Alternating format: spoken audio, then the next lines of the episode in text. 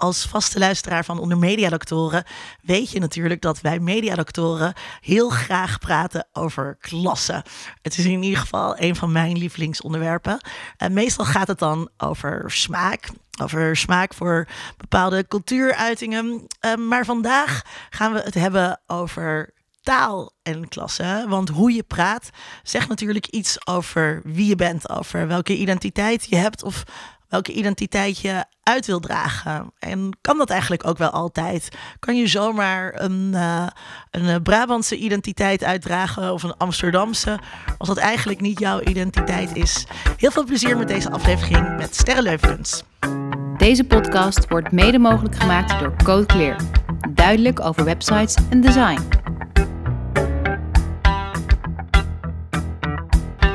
Vanuit Amsterdam is dit Onder Media Doctoren, de podcast waarin communicatiewetenschappers zich verwonderen over de media. Ooit deed ik een opleiding waar de docent zei: overtredingen van de regels van de taal worden niet bestraft met geldboetes of gevangenisstraf, maar slechts door hoon en schaamte voor degene die de taalfouten maakt. Ook in deze aflevering zal ik extra letten op mijn die of dat, hen of hun of nog erger als en dan. Om maar te voorkomen dat er weer bijvoorbeeld een wijsneuzerige student in Nederlands is, toch Loes, met wie ik ooit verkering had, die gaat roepen: taal is dynamisch. Als ik weer eens een foutje maakte. Over hoe oh, dat is wel heel, dat is wel heel erg. Ja, het is heel erg, ja. Ik ja. ken haar. Ja, I know. Ja, I know. Over hoe taal verraadt wie je bent en waar je vandaan komt. En of het nou juist verstandig is om daar zo snel mogelijk vanaf te komen. Gaan we het hebben met uh, dokter Sterre Leufkens. Sterre, je bent universitair docent Nederlandse ja. taalkunde bij het departement TLC. Yes. Tender Love and Care, oftewel taal en literatuur in combinatie van de Universiteit Utrecht. Uh, de beste universiteit van Nederland. Heel goed. Sterre, welke eigenaardigheden in, in, je eigen taalgebruik heb je, wat, wat misschien wel iets verraadt over wie jij bent?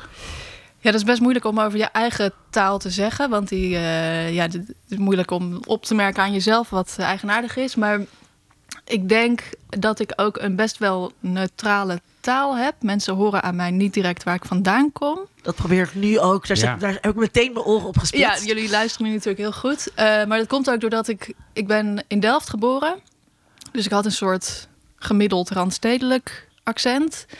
Uh, en toen ben ik, toen ik acht was, naar Twente verhuisd.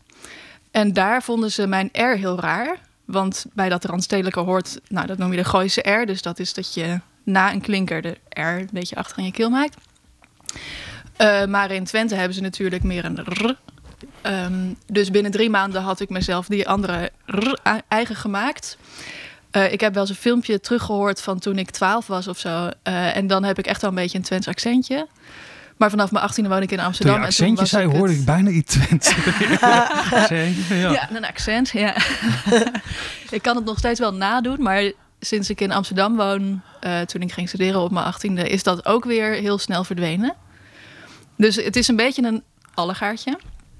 Um, ja, dus ik denk niet dat je aan mij heel goed hoort waar ik vandaan kom. Nou, zo opmerkelijk. Mag ja, ik, dat, dat, ja. um, uh, dat je als kind dat zo snel spiegelt. Ja, zeker.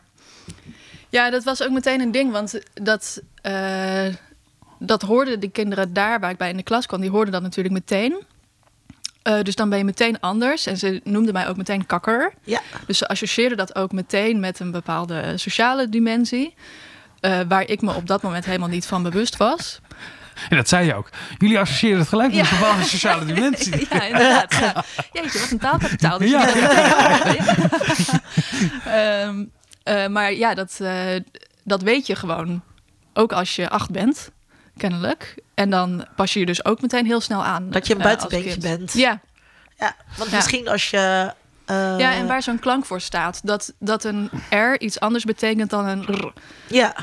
Uh, dat dat bepaalde connotaties heeft over waar je vandaan komt, maar ook uh, ja, wie je sociaal gezien verder bent. En op je achtste wil je, denk je helemaal niet na over taalkapitaal in. Nee. Dan wil je gewoon niet het buitenbeentje zijn. Ja, ja. ja, dus je past je gauw aan. En, en, wat, ja. en vonden je ouders daar dan dingen van dat jij die R had overgenomen? Of die R? Ja, die begrepen dat wel.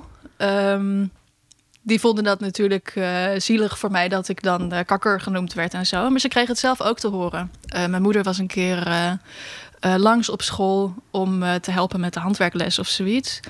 Eh, en toen werd haar accent ook nagedaan. Eh, ook door de volwassenen. Dus dat, eh, ja, ze had er zelf ook mee te maken. Nee, ik bedoel, ehm, dit vind ik ook interessant. Maar Ja. ik bedoel, eh, vonden je ouders het dan niet erg dat je die eh eh Enschedese er overnam? Ja, weet ik niet. Ik denk dat ze het wel eh, begrepen dat je dat als kind dan nou eenmaal wilt en doet. Eh, dat ze me vooral gunden om, eh, om een leuke schooltijd te hebben. En dan kun je me misschien maar beter aanpassen. Ja, Ja. dan maar niet Ik authentiek. Ik heb in ieder geval niet onthouden dat ze zeiden van... nee, wees jezelf. Hou je eigen R. Ja, ja. Linda, Ja. je geeft eh, onderwijs, maar je geeft ook workshops aan academici over schrijven voor het groot publiek. Wat, wat, wat, zijn je grootste ergernissen eigenlijk over op het moment dat academici gaan schrijven? Eh, ja, de, de klassieker is natuurlijk passieve taal. Eh, en dat, die, dat is ook gewoon heel erg waar. Ehm, en niet zozeer eh, alleen de eh, afkeer zeg maar, van schrijven in, met een ik. eh, wat je natuurlijk bij sommige wetenschapsgebieden hebt. Ehm, want ze schrijven juist ook heel vaak een wij. En met schrijven voor de krant of populair schrijven moet je altijd oppassen met de wij. Wie is die wij? En dat zijn vaak wij wetenschappers. En dat sluit dus vaak de lezer uit, want die is geen wetenschapper. En dat is ook heel moeilijk om eruit te rammen. Maar gewoon heel, heel passieve taal. Eh, waarmee ze, ze hebben niet de neiging om over mensen te schrijven, eh, bijvoorbeeld. Dus er wordt gedacht, er wordt onderzocht. ehm, op, op zo'n manier. En, eh, en dit zit vooral in de beta-gebieden afkortingen. En dat is echt ontzettend lelijk. Die gebruiken ze heel veel. Die gebruiken ze heel veel. En ik vind dat zelf eigenlijk ook irritant. Als je psychologisch onderzoek of zo leest, eh, dan eh, gaat het over, weet ik veel, eh, cognitieve gedragstherapie of zo. En dat is dan CGT. Eh, en dan in dat hele paper overal. En dan ben ik op een gegeven moment weer vergeten wat Ja. CGT is. En dan moet ik dat weer eh, terugzoeken. Eh, en, dat, en dat doen ze ook heel graag. Ja. Wetenschappelijke artikelen hebben. het- ja, je hebt uiteraard gelijk dat mensen een nieuwe term coinen en dan ook gelijk tussen aanhalingstekens erachter de afkorting gebruiken. In zin 2 word je al geacht als lezer de term die ze zelf bedacht Ja. hebben in, in, in, in afkortingsvorm te gaan herkennen. Ik vind Ja, dat ook in, eh, ja. in eh, eh, gewone omgang eh, irritant. Als mensen afkortingen die voor hun heel, eh, heel duidelijk en begrijpelijk zijn, die ze op hun werk hebben bijvoorbeeld, Ja. eh, eh, er zomaar ingooien. ja, heel, MT bijvoorbeeld. Dat, dan het managementteam. Maar ik werk niet op een kantoor. En dan moet ik altijd MT, wat, wat, ja, dat soort dingen. Ja, ik moet denken dat ik jarenlang een vergadering heb gehad. Dat heette het, het UMT. Ik denk dat ik nog steeds niet precies weet waar het voor staat. maar dit er zijn. Die passieve vorm. Hoe, ik herken het heel erg. Maar waarom is het eigenlijk dat academici dat doen? Wat, wat, wat, wat, wat stralen we daarmee uit door iets passief te zeggen? Ja, ik zie dat ook meer bij studenten dan bij collega's, moet ik zeggen hoor. Maar ehm, dus ik geloof dat sommige studenten nog steeds te horen krijgen dat je geen ik mag gebruiken. Ik- In sommige disciplines is dat kennelijk ook zo. Maar eh, ik zeg altijd heel snel: gebruik alsjeblieft ik. Want inderdaad, zoals jij net zei, ik wil weten wie iets vindt of wie iets doet of wie iets wil of denkt.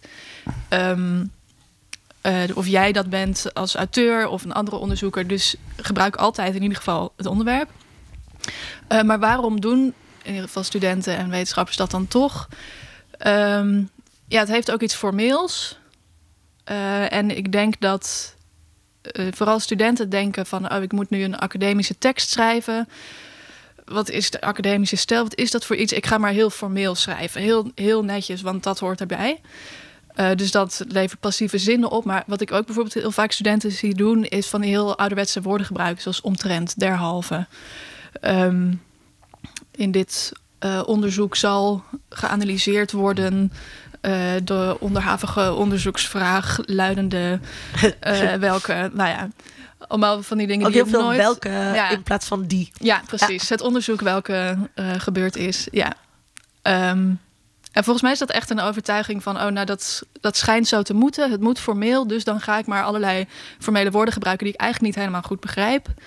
Ehm, terwijl wat ik veel belangrijker vind in elke academische tekst is dat die begrijpelijk is. Eh, en dat eh, bereik je daar volgens mij niet mee. Ja, en die passiviteit ligt het ook vaak heel erg buiten jezelf. Alsof Ja. een soort de turvers, het, het- zoals je dat voorbeeld, het onderzoek dat heeft plaatsgevonden. Ja. wel, dat is toch een beetje de ja, het wekt onweersbui. misschien ook een soort eh, schijn van objectiviteit. Ja. Van ik ben er niet bij betrokken. Eh, ook niemand anders. Er is geen mens aan te pas gekomen, dus het is objectief. Het is een algemene is, neutrale waarheid. Of het is ook eh, gemakzuchtig, denk ik. Denk ik. En ehm, bij mij in die eh, cursussen moeten ze allemaal opiniestukken schrijven. En dan is het helemaal makkelijk. Ja. En dus er wordt gezegd, Oh ja. oké, wie dan? Welke, tegen welke onzichtbare vijand zet, je, zet je je hier af? Ja. Sterre, we gaan het hebben over taal en, en, en, en wat het eigenlijk over ons zegt. Ja. En toen bedacht ik mij, waarom spreekt niet iedereen gewoon altijd en overal ABN?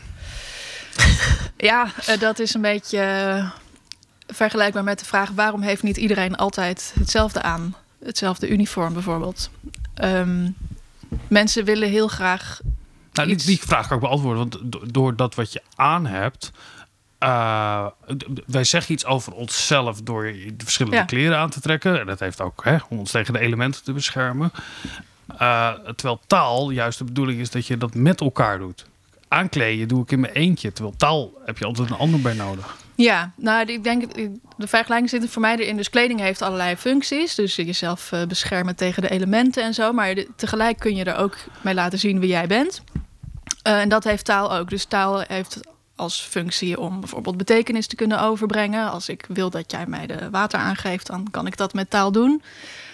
Maar taal heeft ook die functie dat je iets over jezelf kunt laten zien. Waar je vandaan komt, eh, eh, wat voor klasse je hebt, ehm, wie je vrienden zijn, bij welke groep je wel hoort of juist niet hoort.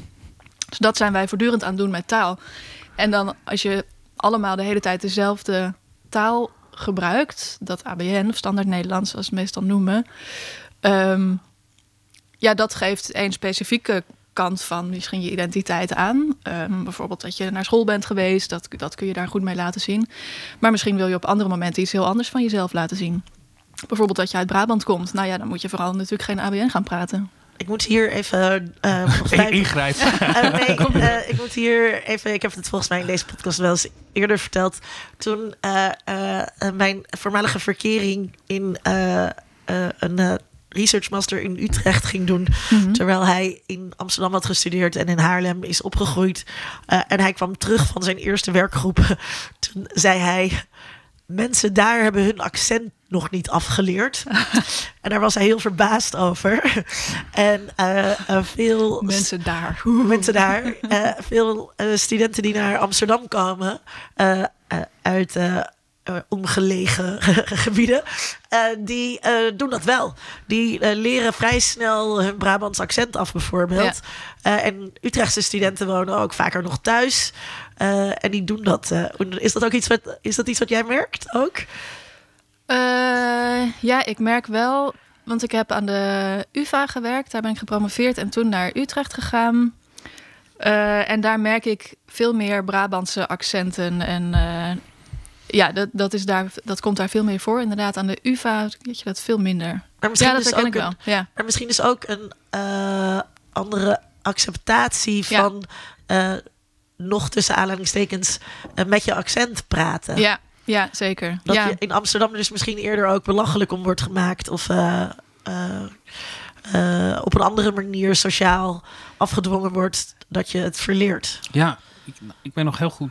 Het is gelukkig al een aantal eh, jaren geleden. Het is niet iets waar ik trots op ben. Zeker in tijden waarin we wat kritischer nadenken over diversiteit en inclusie. Ik drie studenten had. En die alle drie een heel zwaar Limburgs accent hadden. In het werkcollege. En dat, dat, zij hielden dat ook heel stug vol, dat hele Ja. Limburgse. En ik vond het eigenlijk ongepast. Ik vond dat ze ongepast waren. Ik vond het niet netjes om met zo'n zware Limburgse tongval. Dus ik maakte ze ook een beetje belachelijk. Had ik nooit mogen doen. Mijn excuses mocht je luisteren. Eh, want ik kon dat niet inschatten wat het was. Maar dat was wel een heel duidelijk idee. Als jij hier bent, dan moet je niet, misschien niet accentvrij zijn. Maar je moet wel zodanig hier kunnen praten dat ik je gewoon kan volgen. En niet dat ik moet vragen, wat zeg je ook alweer? Of wat Het is ook wel interessant dat ze met z'n drieën waren. Als, Ja. het, als, als het één iemand is, die gaat dat niet eh, volhouden. Die gaat het waarschijnlijk eh, Ja. aanpassen. Maar hoe, hoe, hoe, hoe, kijk jij dan naar zo'n dynamiek? Wat, wat, wat, want je bent zelf ook docent. Ja, ehm, kijk, er kunnen allerlei redenen zijn voor, voor zulke studenten om dat niet aan te passen op zo'n moment. Ehm, ik denk dat je meestal zult zien dat studenten het uiteindelijk wel aanpassen eh, en meer algemeen Nederlands gaan praten. Ehm, maar het kan ook iets zijn. Ik denk dat het heel comfortabel was voor die studenten op dat moment om eh, lekker nog een beetje met elkaar in die lokale vibe te gaan hangen. Dat het een soort veiligheid geeft, eh, gezelligheid. Het is een groepsdynamiek. Ehm, zo wij, de, wij de Limburgers tussen de Hollanders. Ja, maar dan veronderstel je dat ze het ABN wel... Dat ze, het, dat ze konden switchen. Dat ze naar ABN konden switchen. Dat zou ook nog kunnen dat ze dat niet konden natuurlijk. Ja. En, en dan ben ik wel een hele nare docent. Als ik je tracht door middel van ridiculisering te vergaan verheffen. Maar ze spraken toch niet Limburgs? Ze spraken toch gewoon met een Limburgse tongval? Nu, nu kijk ik, het- nu, nu, dit onderscheidt. Dat, nee, ja, met een zware Limburgse tongval. Maar wel zodanig zwaar dat ik er moeite mee had om het eh, te begrijpen. Ja. En eh, na een eerste paar keer maakte het. Dus ik, wat zeg je nou? En op een gegeven moment zeiden ze iets en dat stond ik niet. En dan zei ik, nou, wat, wat, wat, zeg je? En daarna heb ik ook wel eens daar grapjes over gemaakt. Als, wat zeggen ze? Ja. Moet je niet doen. Dus gewoon niet oké. Maar ik zat later wel te denken van ja, is er niet ook een verantwoordelijkheid voor de spreker als je in een bepaalde context bent om je daarin aan te passen, zeker in een, in Ja. een werkgroep, want je moet elkaar verstaan. Eh, door je taal daarin aan te passen. In hoeverre kan je dat als docent of, of, of als je een feestje geeft, of welke sociale situatie Nou, ik denk als je merkt dat, dat studenten of leerlingen, eh, als het om andere, om basisonderwijs gaat bijvoorbeeld, ik denk als eh, studenten dat echt niet doorhebben, dat ze niet verstaan worden of dat ze zich, dat ze niet meekomen in een groep of zoiets door hun accent. Ik denk dat het goed is om, om ze daarvan bewust te maken. Ehm ridiculiseren, ik weet niet of dat de Het manier lijkt mij is. maar- didactisch gezien niet Ja, de beste precies. weg eh, om dat te doen. Eh, nee, maar ik heb wel eens een, ehm, eh, een Vlaamse onderzoeker geïnterviewd, Steven de la Rue. En die heeft allerlei Vlaamse leerkrachten geïnterviewd over gebruik je nou standaardtaal of gebruik je dialect of gebruik je tussentaal. Dat heb je in Vlaanderen ook nog. Dat zit daar dus een beetje tussenin. Ehm, het idee is heel erg dat je eh, op Vlaamse scholen standaardtaal moet gebruiken. Want ja, als je dat op school niet leert, waar leer je het dan? Ehm, en het is belangrijk eh, dat je goed standaard Nederlands leert, want dan kom je verder mee in het leven. Dat- met dat idee vinden die docenten vaak, ik moet standaardtaal gebruiken. Maar in de praktijk is dat heel moeilijk. Gewoon omdat dat niet hun alledaagse taal is. Dus het kost echt Van de moeite. docent. Van de docent, Ja. inderdaad. Het kost echt moeite om dat de hele dag te doen. Zeker als je tegelijk orde aan het houden bent en misschien moeilijke wiskunde aan het uitleggen bent. En het is ook af en toe heel onnatuurlijk. Stel, een kind valt en zijn knie ligt open, dan ga je niet in standaardtaal troosten. Dan gebruik je even dialect.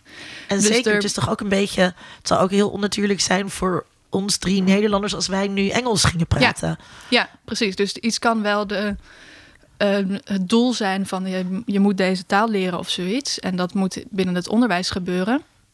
Ehm, maar er is ook iets als gepastheid van een bepaalde eh, taalvariëteit, zoals wij dat dan noemen, ehm, in een bepaalde context.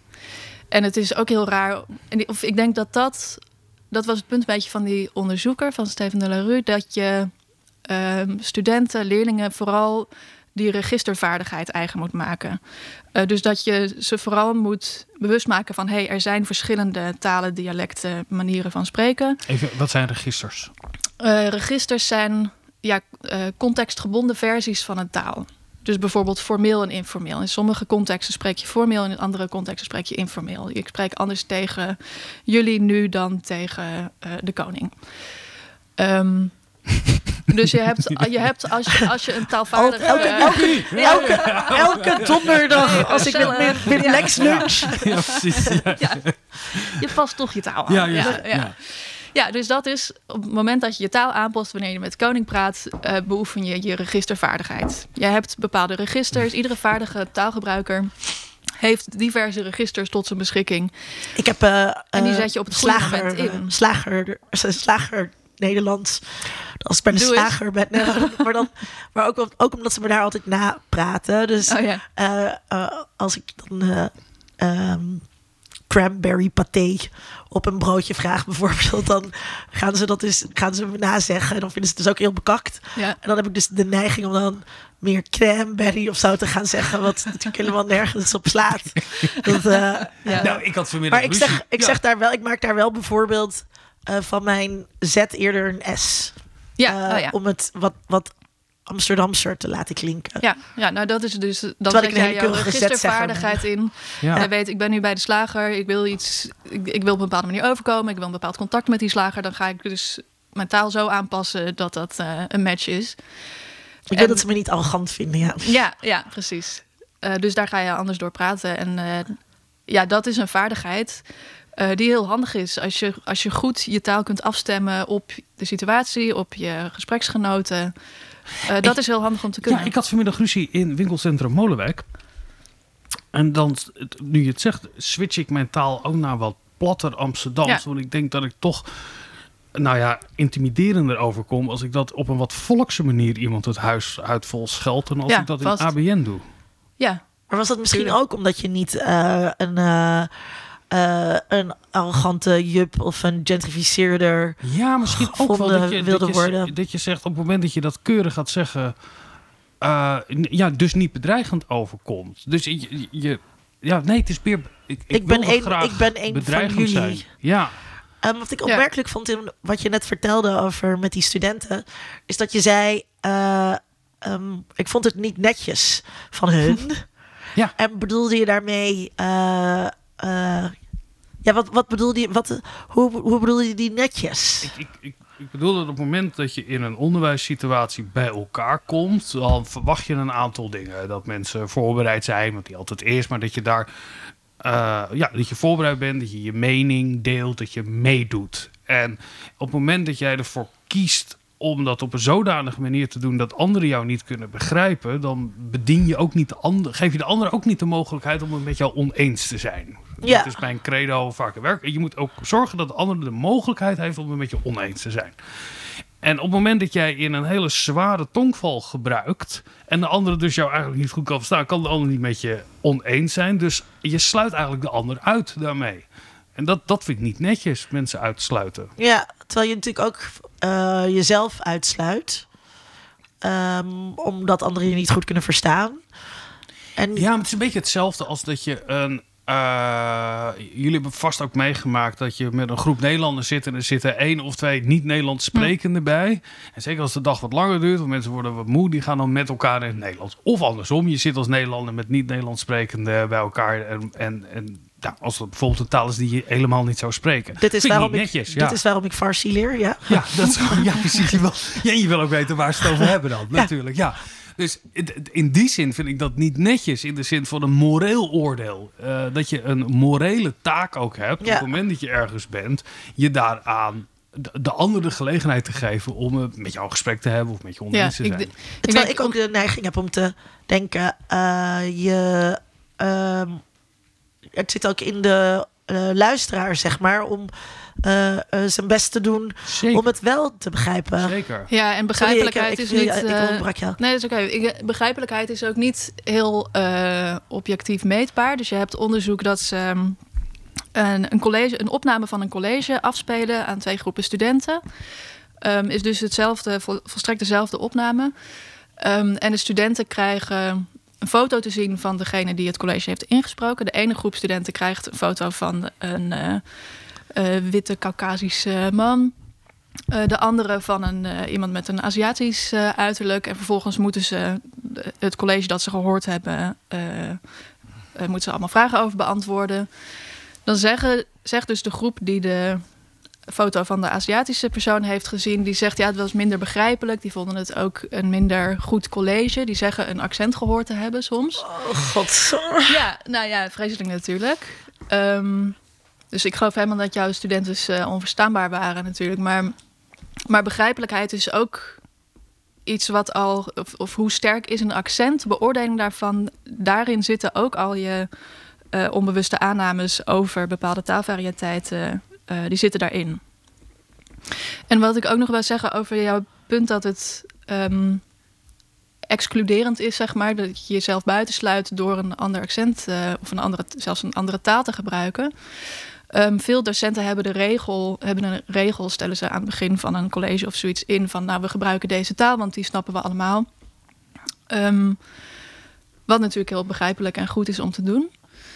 Um, maar dat kan ook uh, onhandig zijn als niet iedereen uh, die gemeenschappelijke taal even goed beheerst natuurlijk. Ja. Dus als, als deze Limburgse studenten um, gewoon no nooit standaard Nederlands gesproken hebben, dan zet dat hen op een achterstand op het moment dat de voertaal in het college Nederlands is. Ja. Um, nou, vaak is het zeker in masteropleiding is het Engels. Dus dan hebben meerdere mensen dat probleem. Nou ja, het kan alsnog natuurlijk heel goed zijn om zo'n gemeenschappelijke voertaal te hebben.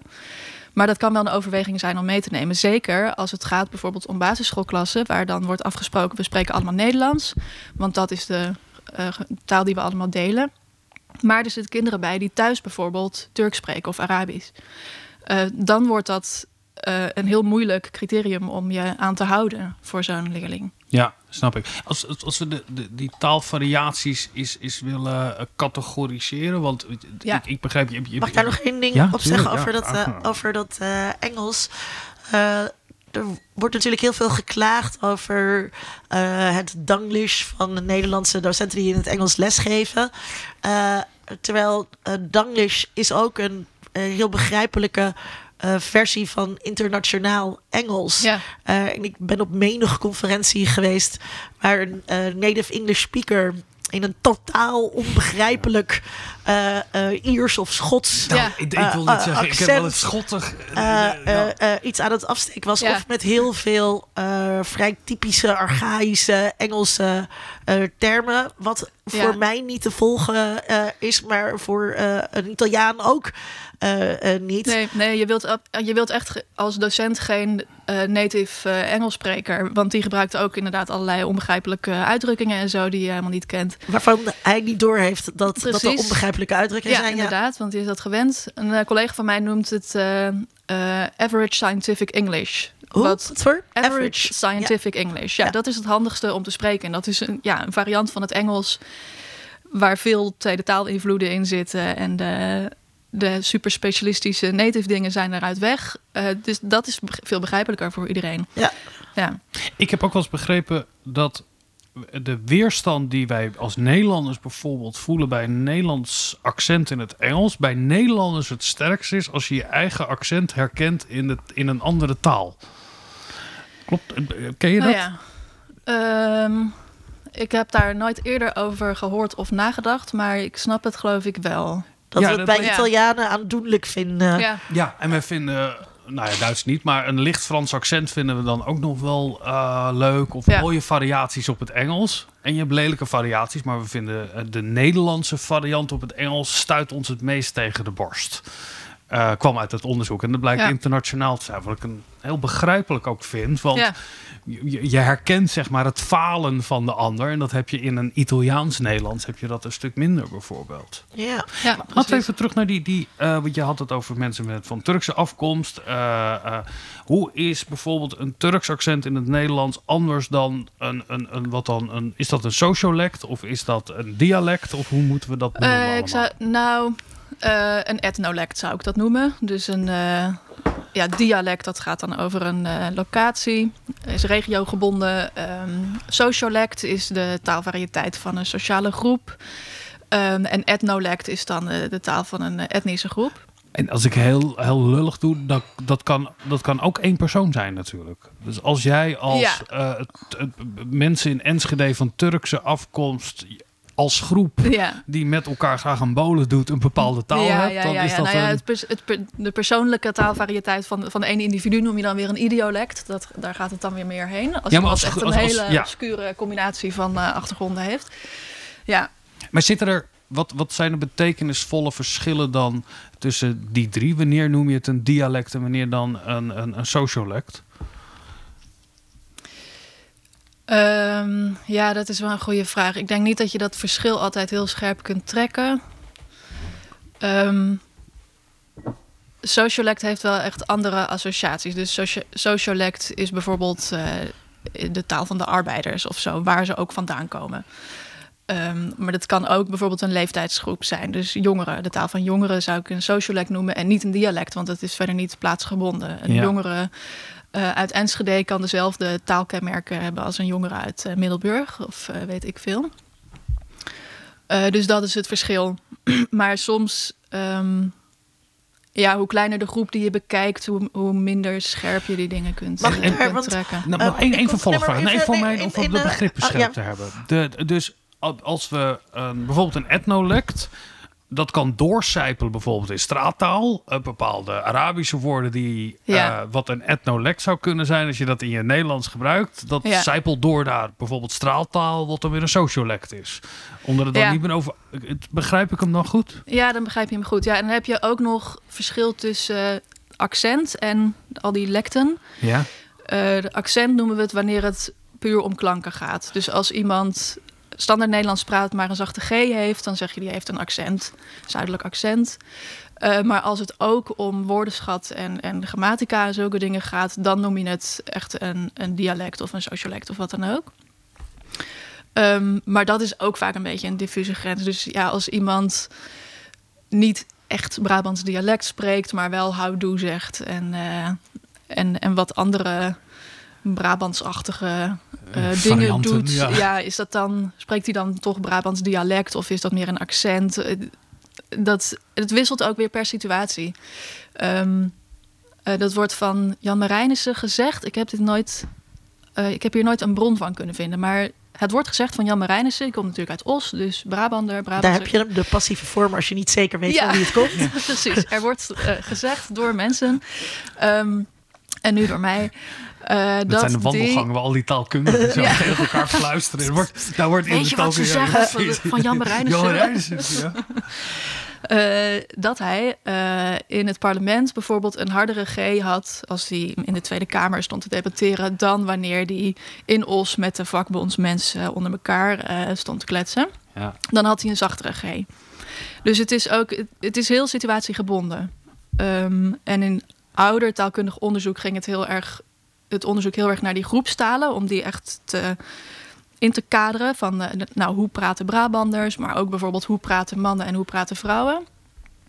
En tegenwoordig gaat dat soort onderzoek veel meer na- ehm, over individuen en hoe proberen individuen in een bepaalde situatie bepaalde taalvormen in te zetten om ehm, heel mannelijk over te komen, of Brabants over te komen, of ehm, eh, queer over te komen, of wat dan ook. Dus het gaat veel meer over, de, over taalvariatie in een bepaalde context, in een, op een moment door een individu, en niet meer zo over die groepen. En dan kun je die afbakenen of niet. Is, het, is, het, is dat taal dan ook op dat moment Mag- performatiever?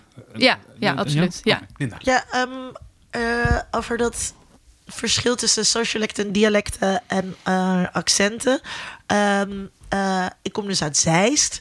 En eh, daar wordt eh, redelijk... eh, eh, eh, eh, stichts wordt het dan genoemd, waar, waar- wat vrij netjes gevonden wordt. Mhm.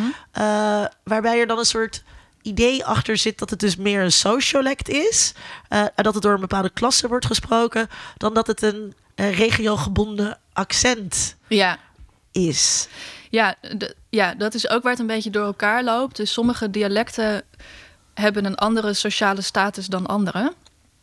Ehm, dat geldt bijvoorbeeld duidelijk voor eh, stadsdialecten. Die hebben vaak een lagere status dan plattelandsdialecten. En plattelandsdialecten hebben dan weer een lagere status dan standaardtaal. Ehm, doordat in de stad eh, meer arbeiders wonen natuurlijk. Die gingen allemaal naar de stad en die gingen daar in de fabrieken werken. En hun eh, taalvariëteit, ehm, ja, dat, die is dus zowel plaatsgebonden, dus dialect, als sociale groepsgebonden, dus sociolect. En dat lijkt me hier ook van toepassing, dat dat stichts dan door een, eh, op een bepaalde locatie gesproken wordt. En op die locatie woont kennelijk een eh, hogere klasse eh, mensen, dus dat wordt dan een chic dialect gevonden. Ja. Klopt dat? Is dat hoe het werkt daar in Zeist? Nou, het, het is wel een gemeente waar ook veel rijke mensen Ja. wonen. Dus dat zou best kunnen. Net als waarom over het gooien dat natuurlijk Ja, gezegd wordt. Of over, of over Wassenaar. Ja, en ik denk ook wel, nou, daarom vroeg ik dat ook net over van toen jullie naar Enschede verhuisden. Ehm, ik heb vrienden uit Enschede. eh, en Naar een, eh, een, een plaatsje in de buurt van Enschede was het. Maar Ah, eh, ja. Dat, en Borden. die zijn wel echt opgevoed. en is het bij hun thuis, moesten ze wel wat ze op school zeg maar aangeleerd hadden gekregen, een beetje moesten ze weer afleren. Omdat Ja, ja, die ouders juist echt niet wilden dat ze plat zouden praten. Ja. Ja, dus misschien is het natuurlijk ook wel. Ik had een keer een vakantievriendinnetje, denk ik nu. Ik was nou echt v- 14 en zij was Fries. En toen kwam ik in de caravan. En wij spraken Nederlands met elkaar, uiteraard. En die moeder kwam boos binnen met... Op zijn Fries kunnen jullie niet gewoon Fries met elkaar praten? Dat schiep je opeens te Ja. binnen. Doe je, je, doe je niet beter voor dan je bent? Ja, nou zei tegen die dochter, kan je gewoon Fries praten met hem. Dat ik geen Fries sprak, deed er voor de rest eh, niet zoveel toe. Dus het gaat twee kanten, Ja. eh, eh, kan dat opgaan. Ik had Hey, in die tijd in, in Twente een, was er een klasgenootje en daar, die hoorde ik op school alleen maar gewoon standaard Nederlands praten. Ehm, en toen belde ze een keer met haar moeder waar ik bij was. Ik weet niet waarom, maar en toen ging dat opeens in, in Twents dialect.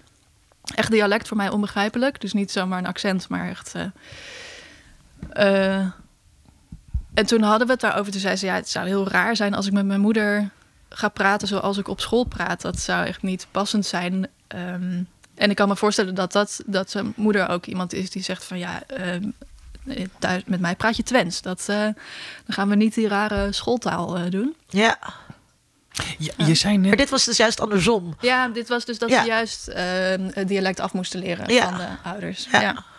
Ja. dat zie je natuurlijk ook. Dat, eh, eh, dat ouders willen dat hun kind ehm, vooral niet dat dialect van hen leert. eh, want met standaard Nederlands kom je verder in het leven. Dus, eh, dus ze geven ouders dat vaak niet door. Ja.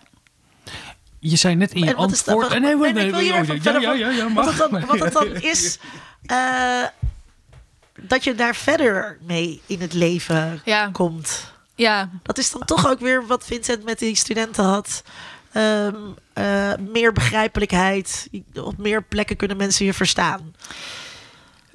Of Ja. zit daar ook klasse de in? Ja, dat zit er ook in. Want ik denk niet dat het eh, altijd. Of ik denk dat het zichzelf als het ware waar maakt. Ehm, er wordt neergekeken door mensen, eh, weer een passief, op eh, niet-standaard taal.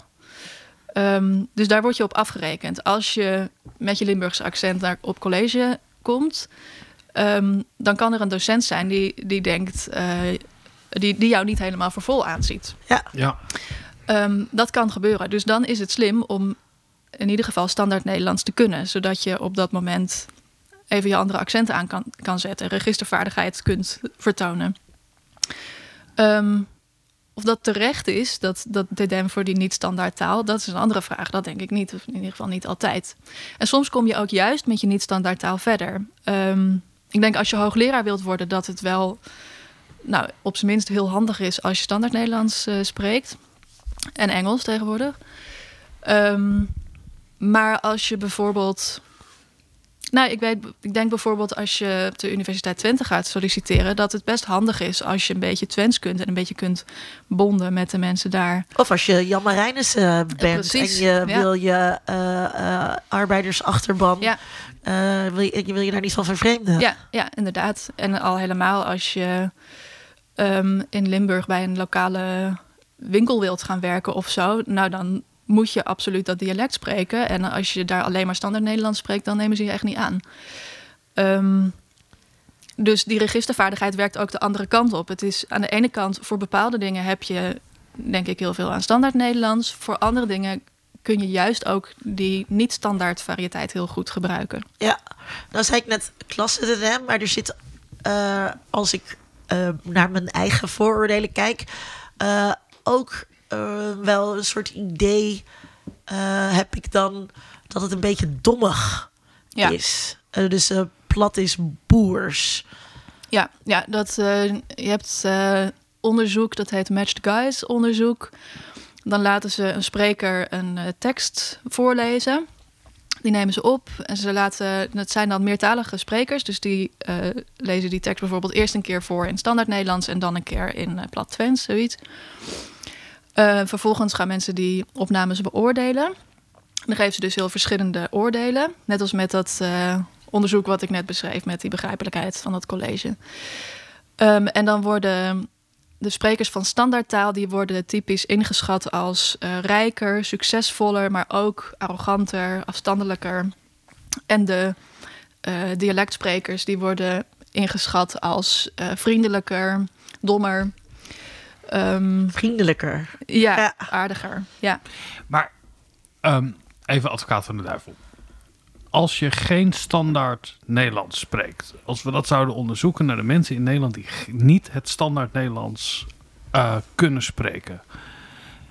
Ik zou hooglijk verbaasd zijn als deze mensen een gemiddeld opleidingsniveau zouden hebben. Een landelijk gemiddeld opleidingsniveau.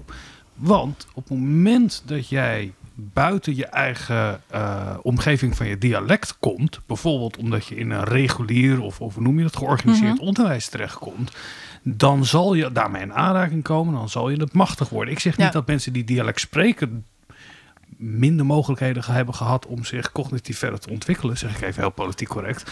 Maar eh, eh, dat is toch een, een hele duidelijke indicator voor iemands eh, eh, verleden, voor iemands leven. Tenzij Oh. je dus aan de Universiteit Utrecht gaat eh, studeren, waar dat blijkbaar niet hoeft je accent af liggen. Nee, nee, maar kijk, deze mensen begrijpen het standaard Nederlands redelijk en die kunnen switchen, Ja. hè, die, die registers. ik snap dat je grapje maakt, maar snap je wat ik bedoel? Ik, ik vind, er zit altijd ook bij taalkundige wel een soort verlangen, een soort rijkheid van de taal. We hebben al die varianten, die mogen allemaal naast elkaar mogen allemaal bestaan. zijn. Mogen Taal allemaal zijn, die omarmen allemaal. En prachtig, ik ben ik helemaal voor natuurlijk. Maar ik vind, dat, ik vind het wel een verarming voor iemands leven op het moment dat je niet ook het standaard Nederlands kan spreken. Nee, zeker. Maar dat, dan, dat, is, dat komt terug op iets wat ik net zei. Dat het... ehm, het helpt je gewoon in het leven als je wel dat standaard Nederlands spreekt. Omdat mensen je erop zullen afrekenen als je dat niet kunt. Ehm, dat afrekenen kan volledig onterecht zijn. Ehm, want iemand die met dialect opgroeit, die is niet dommer. Nee. Ehm, die heeft dezelfde cognitieve capaciteiten. Alleen omdat mensen dat toch geloven, dat iemand met een Twents accent, daarvan nemen ze aan dat hij dommer is dan iemand met een Haarlems accent. En om die reden is het handig om die verschillende accenten en dus Ja. ook een standaard Nederlands accent tot je beschikking te hebben. Heeft dat ook te maken met eh, eh, centrum, periferie en... eh, hè, dus je gaf net natuurlijk Haarlem eh, als voorbeeld. Eh, dat ja, de dat wordt een beetje gezien als de bron van standaard Nederlands. ja, dat de ja. standaardtaal eh, ehm, eh, bepaald is door, eh, door het centrum van de macht. En dat zeker. hoe verder je Ja. afzit van het centrum van Ja. de macht, ehm, hoe minder invloed je daarop hebt. Ja. En eh, hoe meer je dus wordt gezien als eh, achtergebleven achterlijk. Want had je maar in het centrum van de macht moeten wonen ja, toen het bepaald werd. studeren. Ja, ja, precies. Ja, dus mensen denken wel eens... Mensen... ehm, dat, dat, niet wij. Actieve, actieve vorm. En die wandelgangen op de trans, daar zitten de mensen de hele tijd te fluisteren. De trans Ja. is een straat in Utrecht Ja, waar waar ik werk. aan ligt. Ja. Eh, mensen denken wel eens dat eh, dialecten een soort afgeleide zijn van de standaardtaal. Dus je had de standaardtaal, dat is de correcte hogere, hogere taal. Ehm, en dan heb je dialecten, dat is wat, eh, ja, de versies die, eh, die domme mensen ervan hebben gemaakt, zeg maar. Ik zeg het even gechargeerd. Eh, terwijl het is in feite andersom.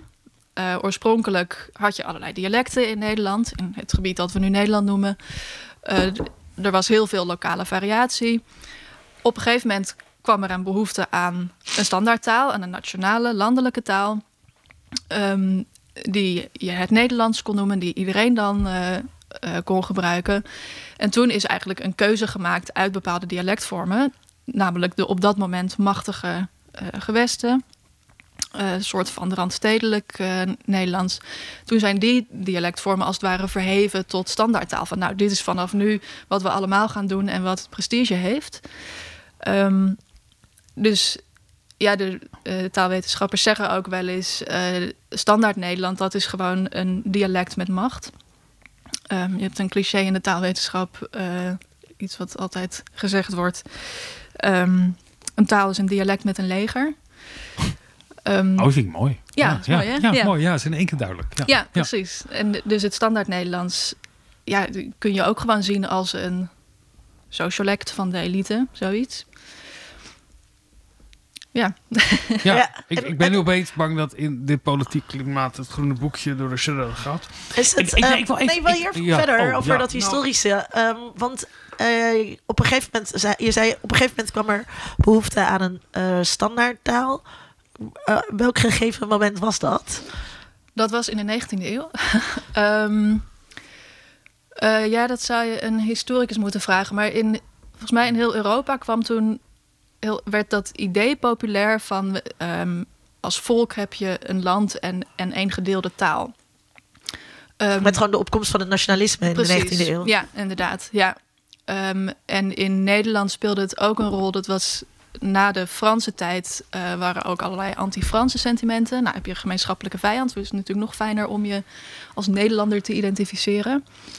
Ehm, en vooral de gegoede burgerij vond het, vond het daarbij passen dat je dan ook dezelfde taal sprak. Er was op dat moment al wel een landelijke schrijftaal. Dat was al eerder ontstaan. Maar spreektaal was eigenlijk, ja, was eigenlijk een verzameling dialecten. Eh, maar dus vanuit dat idee van ja, we willen één eh, landelijke taal. ehm, ging dus een bepaalde klasse, die goede burgerij, die ging dan die landelijke spreektaal ook gebruiken en invoeren. Ah, ja. Want hoe zat het dan voor en op dat moment 19e? werd dialecten dus een, dialect werd iets voor boeren of voor arbeiders in de Ja. steden. Door die gegoede boerderij- burger. Ja. Want ik wil ook vragen wat eh, toen de boekdrukkunst eh, werd uitgevonden. Ja. eh, eh, dus toen er massaal boeken gedrukt werden, moest dat natuurlijk ook in een soort standaardtaal gebeuren. Ja, precies. Dus in de schrijftaal gebeurde dat al eerder. Want ja, als je iets schreef, dan was toch wel het idee dat dat ook gelezen moest kunnen worden door mensen op een grotere afstand. Niet alleen de mensen in het dorp. Eh, juist niet, maar ook verder weg. Dus daar ontstond die behoefte al eerder om een soort gemeenschappelijke schrijftaal te hebben. Maar voor spreektaal dat, was dat aanvankelijk minder nodig. Ehm, want je sprak gewoon toch vooral met de mensen om je heen. Ja, en je kan natuurlijk die schrijfstaal, eh, schrijftaal uitspreken zoals je Ja, wil. precies. Ja, Ja, oh, ja. ja. daar heb ik gedacht. Interessant. Hoe zat het voor de 19e eeuw? Want je zegt in de 19e eeuw krijg je die, die, de, de, de urbanisatie en de industrialisatie. Dus we moeten, hè, dan gingen treinen op een gegeven moment rijden. Ja. Dan moet je ook, eh, hè, ik kan me voorstellen, een spoorboekje hebben in dezelfde taal. Net zoals je de klok Ja, op dat elkaar gelijk gaat zetten. Hoe werd er eh, voor de 19e eeuw dan... Weet je zegt dat die, die standaardtaal die ontstond in de stad. Of het is een stedelijk fenomeen. Eh, nou, een ding van de burgerij, van de burgers. ja, maar dat, dat Ja, daar kreeg je dat. de burgers en Ik denk dat, buitenlui. dat dus- daar de verschillende rangen en standen kwamen daar het meest met elkaar in aanraking. Ja. En, en, en, want je had daarvoor natuurlijk ook stadsdialecten en, en alles wat daar was. Ja, maar, de, maar dat leek dan heel erg op het dialect gewoon van die streek. Dus er was daarvoor gewoon niet zo'n verschil tussen eh, de lokale taal binnen de stad en in de, op, op het platteland daaromheen. Ja, want als je nu kijkt, dan heb je natuurlijk als, als, als eerste waar ik aan denk bij dialecten, denk ik nog steeds aan, aan de periferie hè, in Ja. de regio's. Ja. Eh, terwijl we natuurlijk ook nog steeds stadsdialecten hebben. Ja.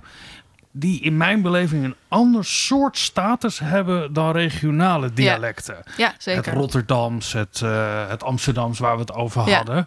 Dus hoe Eh, ervaar jij dat? Wat is voor jou het verschil tussen Amsterdams en Twents bijvoorbeeld? dat het Amst ja, dat- het- het- als ik heel eerlijk ben, dan associeer ik het plattelandse en de regio-accenten toch met een, een, een, een, een, een cultuur. Ja, hoe zeg ik? ik Boers. me- Het woord dat je zoekt is plat, boers. Boers, plat, grof. eh, eh, alles waar de BBB voor opgericht is, eh, Ja. dat ik daar alles over moet nadenken ongeveer. Eh, maar ja, hey, ga naar de supermarkt. Alles waar boeren voor staat is altijd groffer. Boerenkaas, boerenjoghurt. Ik ken wat mensen uit een agrarische omgeving die er altijd boos over werden. Zeker als het ook boeren, dat, dat is een apostrofje er neerzetten. Dat je Ja. het, het woord boeren op boeren moet uitspreken. Let maar eens op in de Boeren. Ja. Hoe, hoe was dit in de. Weten we hoe dit was eh, in de feodale tijd? Ik luisterde eh, een nieuwe podcast van ehm Maartje Duin, bekend van de plantage Ja. van onze eh, voorouders. En die gaat, eh, die heet Mina en mevrouw. En het gaat dus over eh klassen. Eh, en eh, daar kwam Els Kloek aan het woord, historica, volgens mij van Universiteit Utrecht. Eh, en eh, eh, zij zei, eh, vroeger eh, woonden de standen veel dichter bij elkaar. Was er veel meer omgang eh, eigenlijk tussen de Ja. standen eh, dan nu. Ook nu wijken zeg maar steeds verder Ja. eh, segregeren. Eh, dus de kasteelheer, denk ik, die moest toch ongeveer dezelfde taal spreken als eh, eh, de boer die op zijn land woonde. Ja, dat Ja. denk ik. ik. Ik weet dat niet hoe dat in die tijd was. Ehm, ik weet wel dat, dat, het, dat die rangen en standen echt zo verschillende eh, talen en taalvarieteiten gebruikten. Dat dat iets, echt iets is wat in de 19e eeuw ontstaan is. Ook een burgerrijding waarschijnlijk. Ja. Dat, eh, eh, de bourgeoisie wil zich natuurlijk ook Ja, heel graag onderscheiden. ja precies. Eh, Ja. Daarom zegt de bourgeoisie toilet.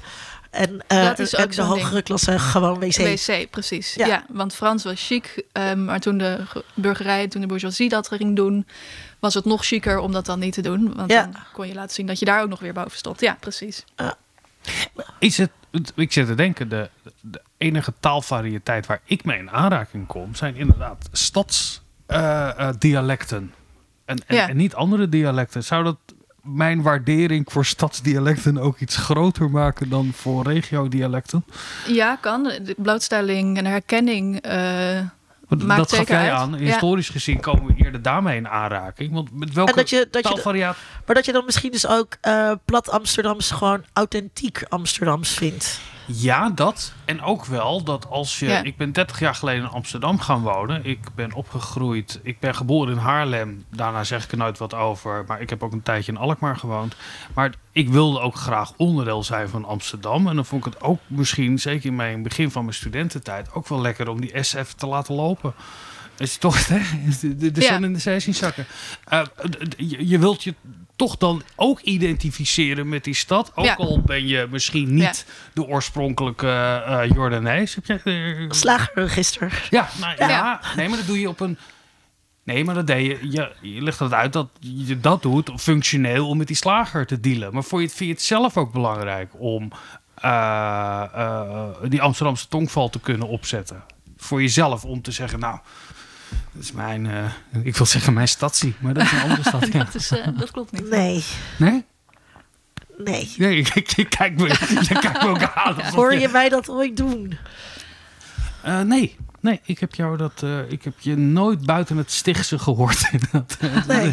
Jij, is het, is Nou, het heel ik, onherkenbaar? Nee, Want nee, jij nee. woont ik- ook in Amsterdam? Ja, ik geloof niet dat ik. Nee, ik, eh, ik heb ook alleen een heel ongeloofwaardig Amsterdamse accent in huis. Dus ik- dat kan ik beter niet doen.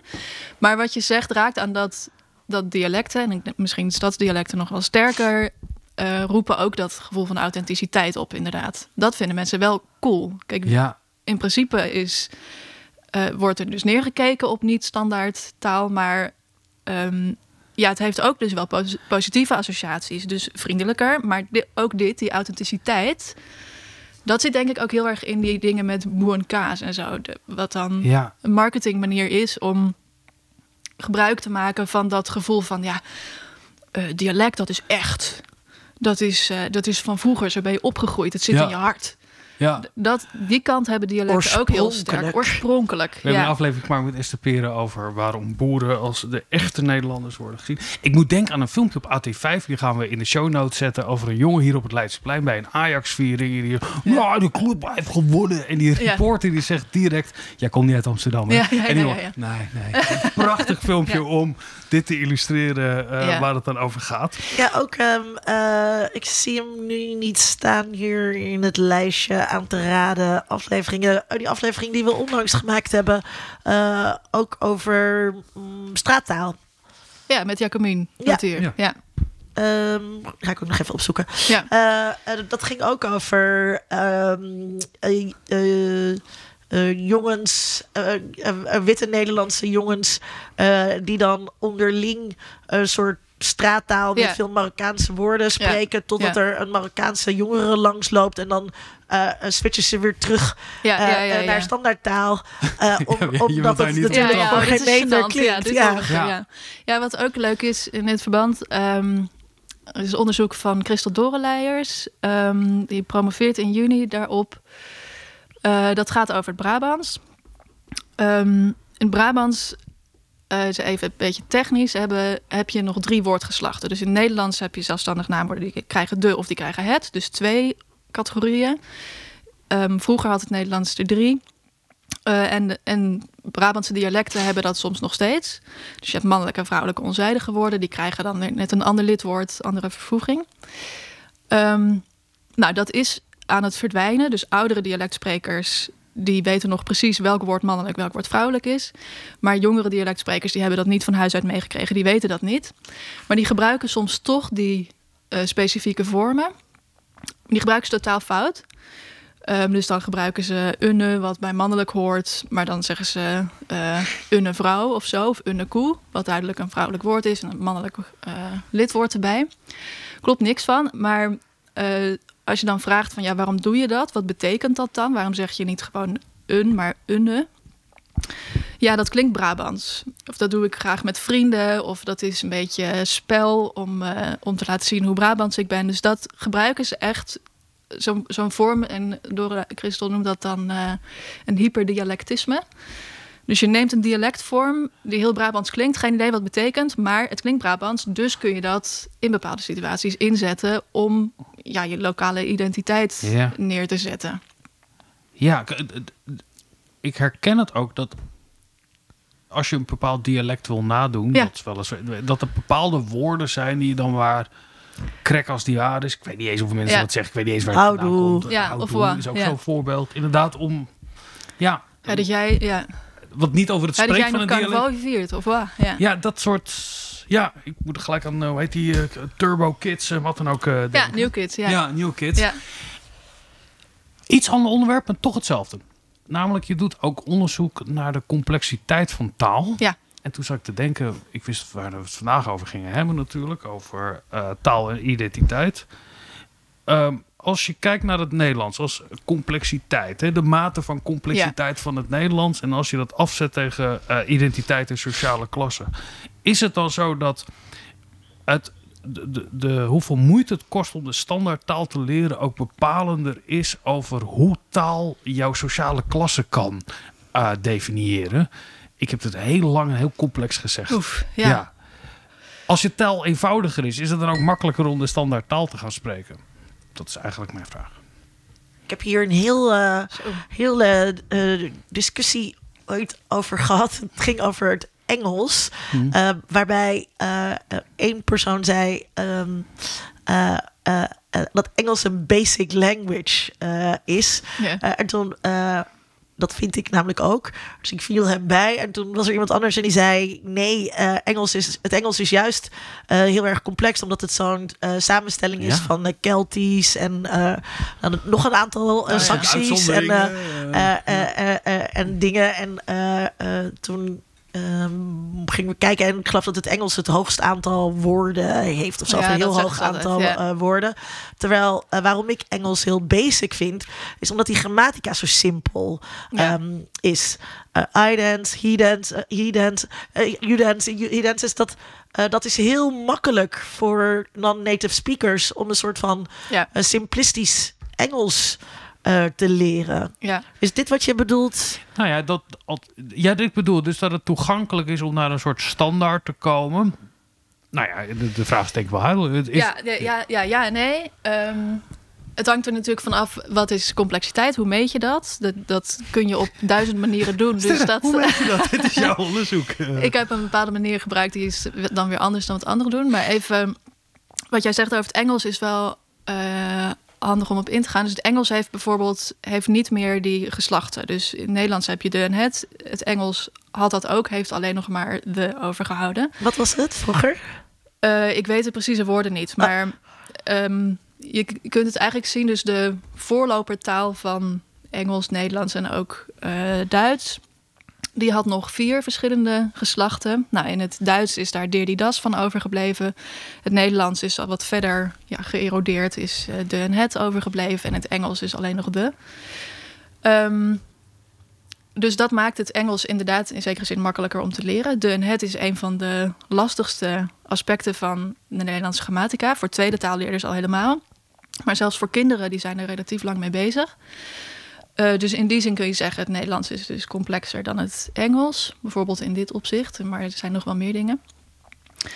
Um, toch denk ik um, niet dat je kunt zeggen dat je dan ook... Um, dat dat direct iets te maken heeft met wat jij bedoelt. Dat je je sociale klasse er duidelijker mee kunt maken of zo. Uh, en dat komt doordat de, ja, de basics van de grammatica van een taal... Uh, kinderen leren die eigenlijk allemaal wel in de eerste vier jaar zoiets van hun leven. Dus in die eerste tijd dat je een taal leert, um, hm. leer je die standaardtaal eigenlijk hm. altijd wel. Ook van talen waarvan wij denken, hallo, wat zijn die complex? Dus bijvoorbeeld Farsi. Farsi, complexe taal. Uh, Fins bijvoorbeeld heeft 16 naamvallen. Nou, een vriendin van mij heeft een tijd in eh, Helsinki gewoond. Uh, die heeft dat uh, in die aantal jaren gewoon opgegeven. Ja, precies. Ja, Want ja, die, al die uitgangen laat gewoon maar zitten. Ja, ja, ja. ik kan een biertje bestellen, het is goed. Um, dus dat is heel complex. En toch vinden kinderen doen dat. Um, kunnen dat na een jaar of drie, vier. doen ze dat goed. Um, dus ja, de, de kern van een taal zou ik zeggen, die, die leer je wel als kind dus dat bepaalt niet echt een verschil in hoe um, uh, complex of hoog opgeleid je over kunt komen. Ja, en, en andersom? Is, is, is, ik heb ook begrepen dat Indonesisch bijvoorbeeld relatief eenvoudig te leren is. Uh, dat soort talen, uh, werken die dan ook minder uh, de, de, de, sociale verschillen in de hand? Om, omdat het ook op latere leeftijd toegankelijk is een Indonesische kennis van mij die zei: Als jij je best doet, kan je echt binnen drie maanden op een redelijk niveau Indonesisch spreken. Uh, als je hier bent in Indonesië. En... Um, ik vergelijk dit wel eens met het verschil tussen uh, piano leren spelen of viool leren spelen. Jij speelt um, viool, Ik speel viool, ja. um, dat is moeilijk. Viool is een complex instrument, kun je wel zeggen. Uh, dus de eerste jaren dat je dat speelt, klinkt het nergens naar. Um, maar als je het heel lang doet en heel veel studeert en zo, dan uh, word je een uh, gevorderde, dan kun je mooie melodieën spelen. Um, bij piano is het anders. Dan kun je al vrij snel een leuk melodietje uitkrijgen. In die zin is het simpeler. Dus dat vergelijkt dan met een taal als Indonesisch. Je kunt relatief snel je uitdrukken in die taal. Maar als jij echt een meesterpianist wilt worden, dan heb je alsnog die 20 jaar studie nodig. Ja. Ik wil en, gelijk en in roepen, uitdrukkingskracht is er geen goed verschil. virtuoos zijn op piano, maar dat is natuurlijk onzin. Dat is niet zo. Nee, nee. Dus de uitdrukkingskracht is even groot op de verschillende instrumenten en in de verschillende talen. Um, alleen het proces daar naartoe, naar die, naar die super sociale vaardigheden daarin of zo, dat, dat is wel anders. Ik vind het een hele mooie vergelijking die je maakt. Dat maakt mij het in één keer duidelijk. Mag ik hier? Ja, tuurlijk, um, ja. Ik bedacht me net uh, over eh, die ehm, eh, de en het. Uh, wat mij heel erg opvalt is dat uh, studenten en ook um, witte Nederlandse studenten mm -hmm. um, niet meer goed kunnen terugverwijzen met die en dat. Ja. en wat ik eerst vooral zag bij mensen die de taal pas later geleerd hebben, zie ik het nu heel veel. Oh ja waarbij ik dan denk, oké, dat is een soort van taalerosie. Uh, um, ja, dus eh, is, is, dat, is dat zo? En is taalerosie ook echt een ding? Of is taal dynamisch en komt er ook van alles weer bij?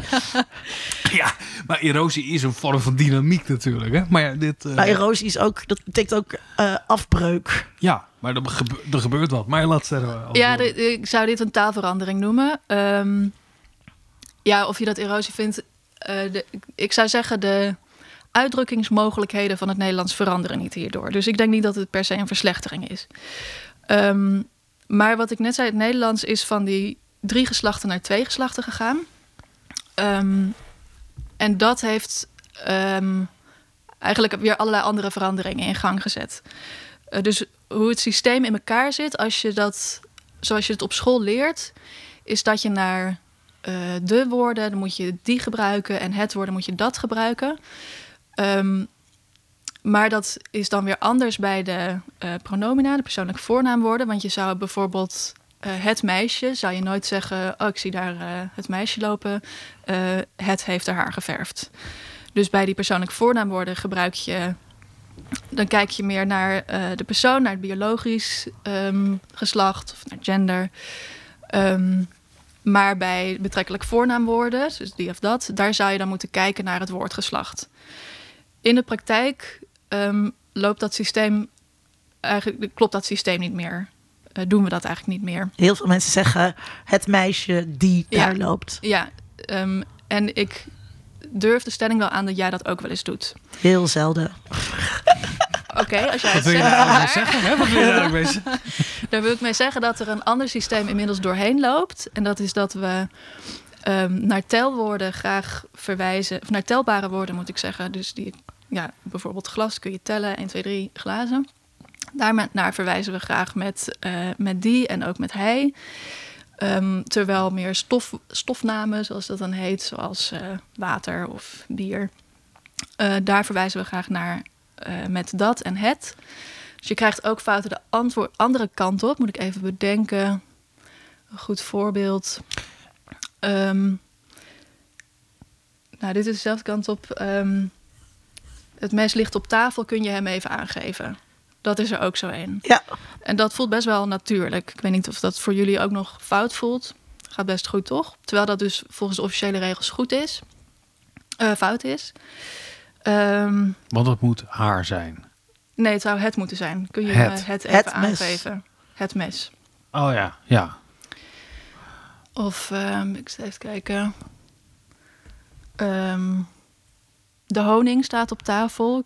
Kun je het mij even aangeven? Dat zou voor mij prima kunnen. Ik zou dan kunnen zeggen, kun je, het, kun je me het even aangeven als het over de honing gaat. Dus dat is eigenlijk ook fout. Dus je ziet dat er een ander systeem, dat gaat over telbaarheid, dat loopt door het systeem van die geslachten heen. Nou ja, technisch verhaal. Ehm, dit is een verandering, dat komt dan doordat die geslachten op een gegeven moment, er verdwijnt er eentje, dat veroorzaakt allerlei veranderingen op een andere plek. Ehm, vaak zijn jongeren de eerste die zo'n eh, verandering doorvoeren.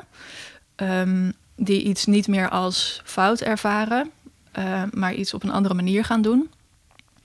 Eh, geldt ook bijvoorbeeld voor iets als eh, ik besef me. Dit is altijd een goede test om te kijken hoe oud je bent. Kun je dingen zeggen als ik besef me of, of klinkt dat heel raar? Hoe is dat voor jullie? Nou, voor mij is het heel raar.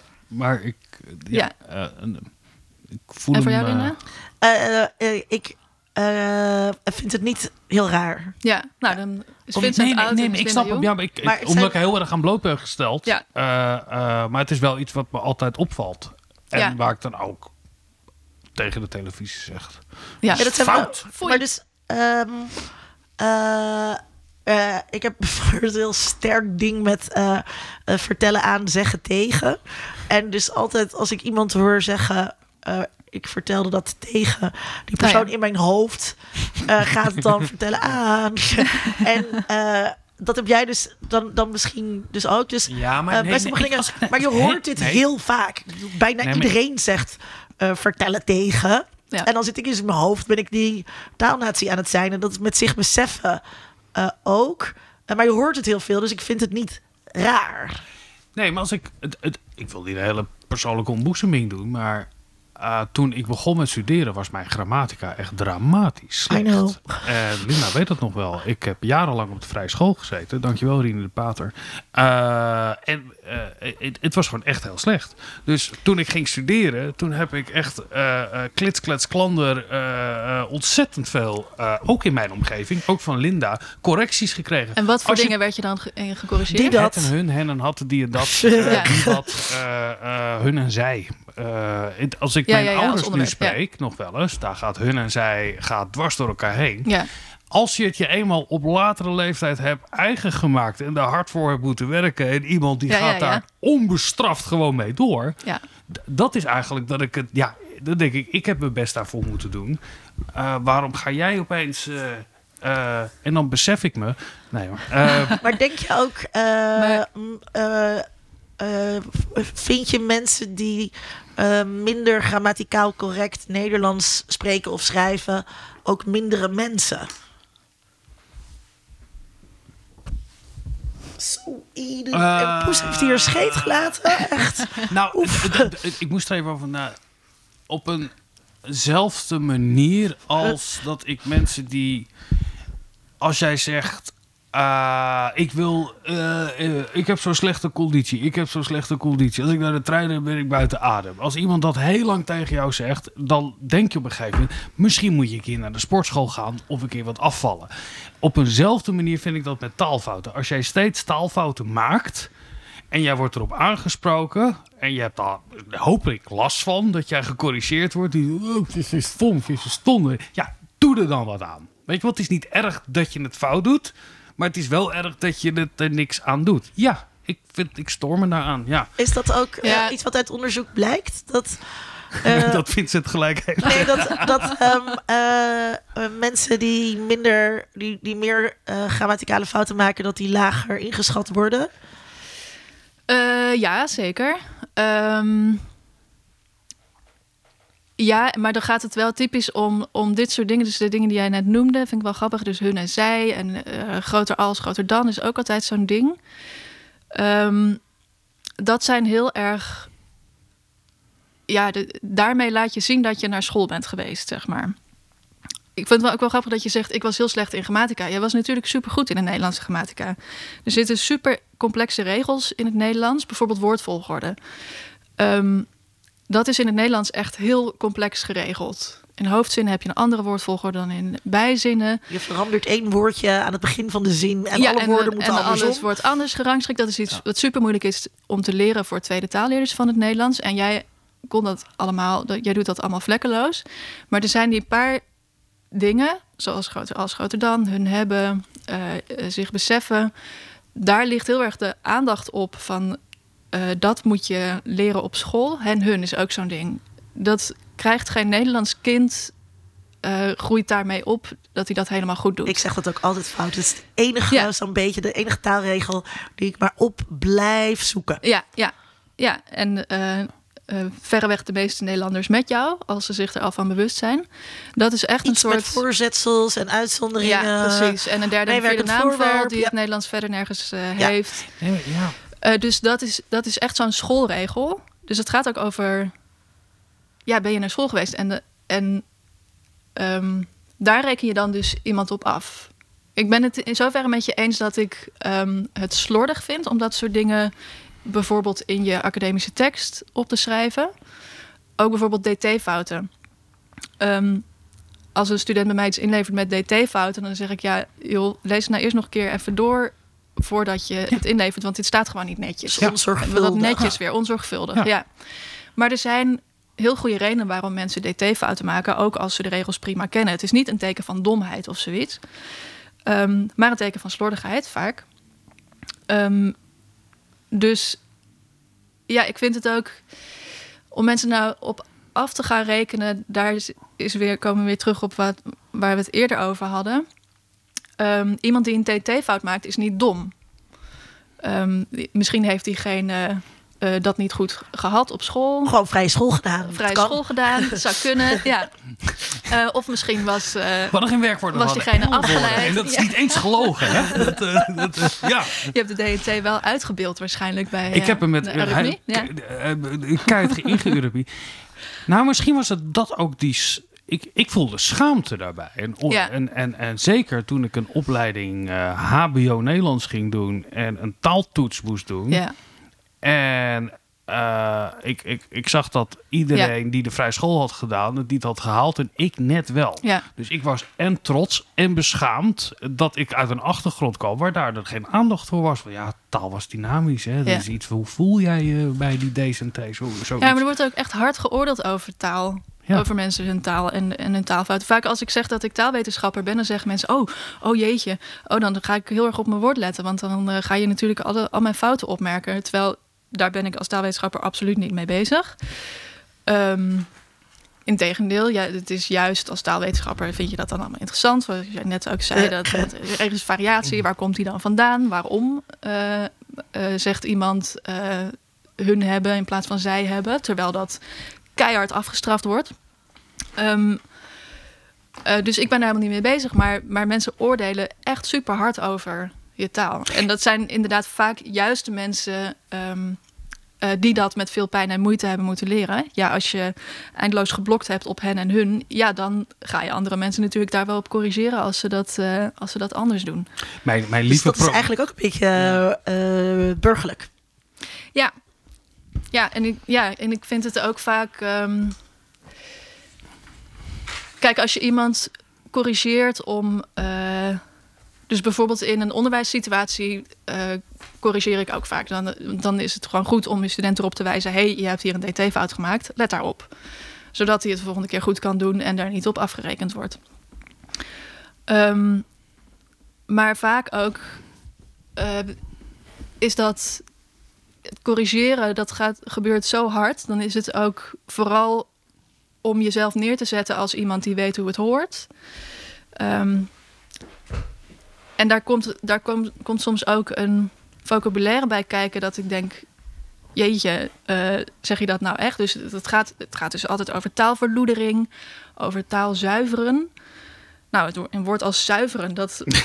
Hallo? Wat voor connotaties Ja, nou, ook het woord ja. grammar nazi. Dat gebruiken Ja. sommige mensen heel trots voor zichzelf. Van, ik, ik hou erg van taal, dus ik ben een grammar nazi. Sinds wanneer is het iets positiefs om een nazi te zijn? Zo ga je jezelf toch niet noemen? Ja, wat ik, twee het dingen wil vertellen. een- de meest vrijzinnige mensen hierin zijn vaak de taalkundigen, heb ik het idee. Ik heb nog nooit een taalkundige ontmoet die heeft gezegd... DT's, die zijn echt belangrijk. ja, daar moet je echt... Eh, Nou ja, wel, dus taalkundigen vinden... Dus het cliché is een beetje dat taalkundigen alles goed vinden. Dat is ook weer niet zo, maar... eh, als nee, maar ze Eh, worden wel enthousiast ik- van variaties of fouten. Precies, Ja, ja. dat- Ja, en Dat kijk vooral de- naar de context. In Ja. sommige contexten moet je vooral geen dt-fouten maken. Ik bedoel, als jij solliciteert bij een, eh een of ander chic bedrijf... en je zet er een dt-fout in je brief... ja, dat is gewoon dom. Dat moet je niet doen. ja. Eh, dus check het nog even. Ik Maar heel goed, ik het promo- betekent, een ja, dt-fout betekent niet dat je dom bent... of dat je Nee. met pek en veren de universiteit uitgestuurd moet worden. ik, ik- van ik Ooster- promoveerde, ik wil even vertellen. En ik kreeg een cadeautje van mijn promotor. En als opdracht, als bedankje stond erin... Beste Vincent, welke zin is wel goed gespeld? Gefeliciteerd, Vincent. Wat ik... Prima, hè, dit eh, no hard feelings of wat dan ook. Maar het is wel even... hey, pas op hè. Je bent nu gepromoveerd. Let erop. eh, eh, dit is iets waar je eh, je niet kan permitteren. Dat was eigenlijk... Ja. eh, de- Onze de- de- promotor was duidelijk geen taalwetenschapper. Eh, ik las Zeker niet. laatst eh, eh, in een blogpost van Mark van Oosterdorp ehm, op eh, eh, de Nederlandistiek eh, een hele verdediging van Lale Gül die heel erg onder vuur ligt. Oh ja. omdat zij niet correct Nederlands zou schrijven. En, en hij ging vol op het uh, taalisch dynamisch orgel. Eh, maar ik heb laatst, ehm, hoe heet dat eh, boek? Het ligt hier. ik ga leven. Ja, ik ga leven. ehm, nee, die ander. Oh, wel, ik ga leven, ja. Gelezen. En ik eh, eh, stoorde me er ook heel erg aan. aan eh, heel archaïs en heel Oh ja. gezocht. En eh, eh, een soort dikdoenerij eh, vond Oh ik ja, het. ja, maar dat vind ik wel iets anders dan of iemand eh, een keer groter als zegt of zo. Ja, Of opschrijft. We hebben het nog niet gehad over... maar, als je maar een- waarschijnlijk zegt dat dus ook meer, net als dat, eh, dat afstraffen, eh, wat Ja. je zei, dat zegt meer iets over de afstraffer, misschien dan Ja. over eh, Ja. de schrijver. Ja. Dat dit dus ook misschien meer iets over mij zegt dan over eh, Lale. Ja, Nou, dat probeer Ja, ik net uit te maken. Als ik, ik heb dingen moeten leren en als een ander... Dus het zegt veel meer over mij dat ik daar... oh, Dat mag niet. Dan dat diegene daar, eh, eh, nou ja, een foutje maakt daarover. Ja. Ik wil naar een, een ander onderwerp, want we hebben nu steeds over dat je een taal spreekt. Maar je ziet ook het verschijnsel dat mensen binnen dat ze een taal spreken... soms ook switchen Ja. naar...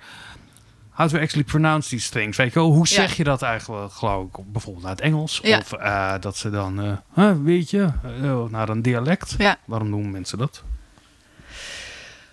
Omdat mensen meerdere talen spreken.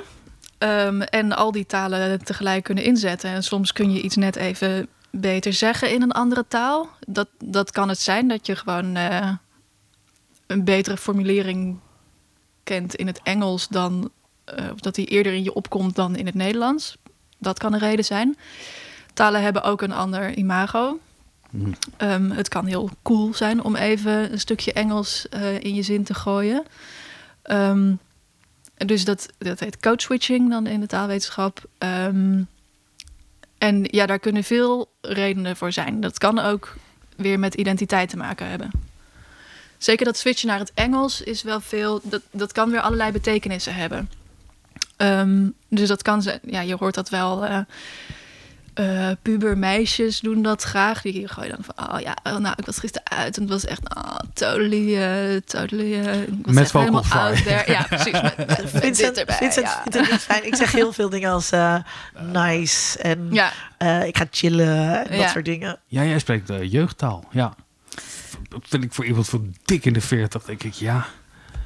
Vind je dan Ik zou niet zeggen dat het jeugdtaal per se is, nee, maar ik denk dat het cool wel. niet meer. eh, Nee, maar nice vind ik, het is echt een tot. Ik kijk wel eens naar eh, eh, ehm, dat datingprogramma op de televisie. First, First Dates. dates.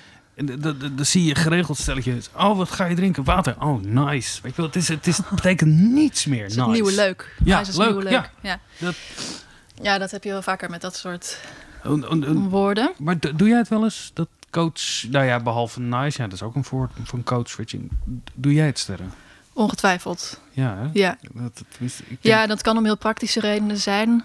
Ehm, ik geef co- college in het Nederlands, maar dat gaat dan over taalkunde. En dat is natuurlijk eh, veel van de literatuur daarover is in het Engels. Dus dan, ja, sommige termen heb je gewoon geen goed Nederlands equivalent voor. Dan switch ik even. Ehm, dus ik doe dat zeker. Maar het kan heel veel redenen hebben. Dus eh, er is ook onderzoek eh, dat binnen de queer linguistics. Dus hoe, hoe eh, zit de taal van LHBTQ-mensen eruit? Ehm, en dan is gekeken naar chatgesprekken van gay jongens. En die switchen dus ook heel vaak naar Engels. Halve zinnen gaan dan, gaan dan in het Engels. Ehm, en hoe meer zo'n jongen zich als gay identificeert, hoe meer hij dat ook doet.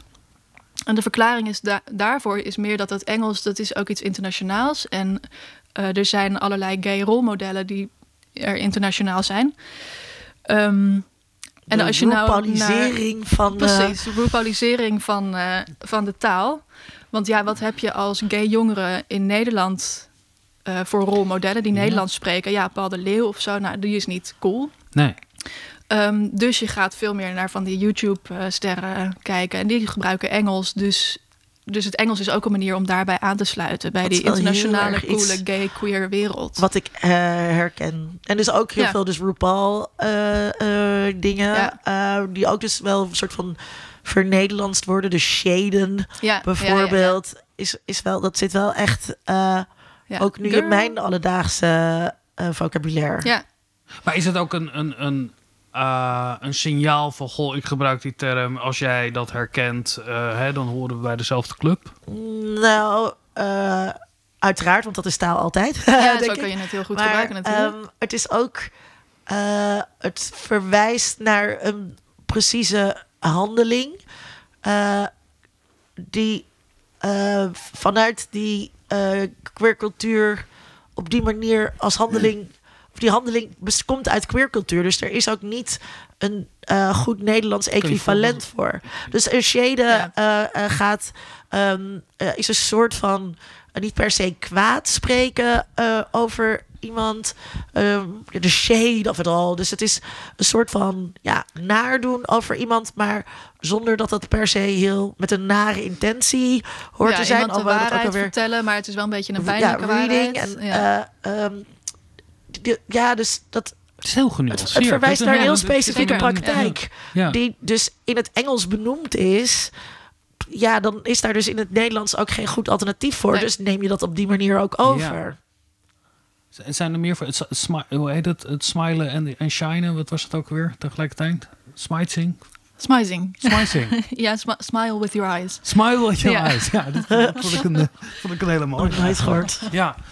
Um, ja, dat ken ik van Tyra Banks. America's Next Top Model. ja, je dat? daar, daar ken Ja. ik hem van. Ja, dat is natuurlijk weer net iets anders dan eh RuPaul. Maar dat in dat, ehm, eh, je hoort het ook activisten bijvoorbeeld veel, veel doen. Ja. Ehm, ik vind bij studenten daar eh, vaak ehm, soort onbegrip ook uitspreken, uitspreken. Dus als studenten veel Engelse termen onvertaald laten, eh, dan denk ik ook, heb je het wel goed begrepen? Dat ze Oh, ja. niet in Nederlands kunnen verwoorden. Ehm, ja, dan moet je er nog iets langer over nadenken. Ja, dat kan ook nog een rol spelen. Want ja. we hebben die codes natuurlijk binnen een, eh, de, de, de queer linguistics, eh, zeg Ja. maar, zoals je het noemt.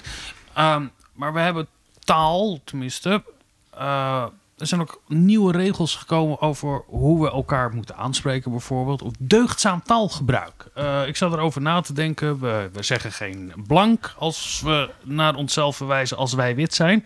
Maar we doen dat wit. Eh, we hebben het, eh, de, de, de, de voornaamwoorden heeft natuurlijk een hele vlucht genomen.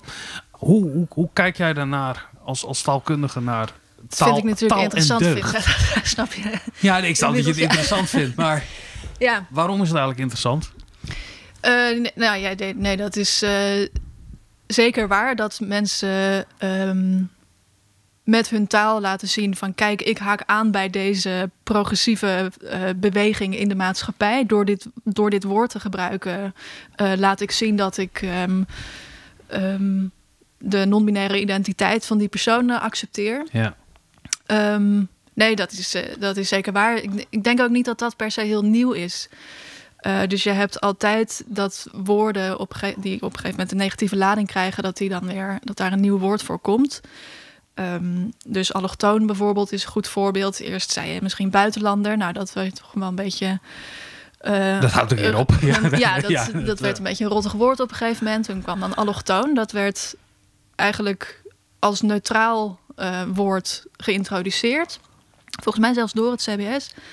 Als, ehm, ja, het is de CBS-definitie. Ja. ja, ehm, als eh, van nou, dan hebben we nu tenminste weer een neutraal wetenschappelijk woord, duidelijk criterium voor wat daar wel en niet onder valt.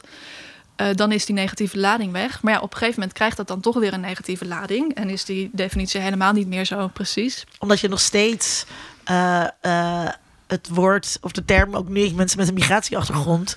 eh, Ja. gaat ook niet over mensen met een migratieachtergrond. Het gaat Nee. over mensen met een niet-westerse migratieachtergrond. Precies. Dus je wil nog steeds, het gaat nog steeds over de groep Want buitenlanders. Willem-Alexander is bijvoorbeeld eh, technisch gezien allochtoon, maar die ga je niet zo noemen, die zie je niet Ja. zo. Eh, dus zo'n woord krijgt toch weer een andere betekenis. Gaat, nog ste- gaat inderdaad weer naar buitenlanders verwijzen met een het, negatieve omdat het op deze manier eh, willen identificeren van een groep die geen groep is. Ja, eh, of een groep eigenlijk die racistisch afgebakend is. Ja, wat voor eufemisme je daarvoor wil gebruiken, maakt niet Ja. uit. Ehm, ik doe het ook hoor. Ik zeg ook mensen met een migratieachtergrond. Omdat ja, ja. dit nou eenmaal de, eh, een onderscheid is dat Nederlanders ook heel veel maken. En instituties heel veel maken. Hè? Dus we, we doen dit. Ehm, maar daar zit, daar zit natuurlijk wel een probleem. Ik merk met Ja, nou ja, die, je, je probeert dan als taalgebruiker ehm, te laten zien van... hé, hey, ik, ik ben gevoelig voor die negatieve connotatie... die het woord allochtoon bijvoorbeeld heeft gekregen... en ik, ik zou niet willen dat die connotatie er was... dus ik ga over op dat nieuwe woord. Wat zinloos is, want dat krijgt ook weer die connotatie.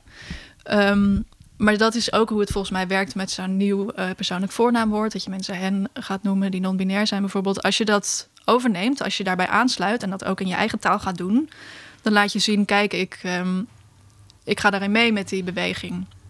En daar worden mensen, gewoon- andere mensen vervolgens weer heel boos van.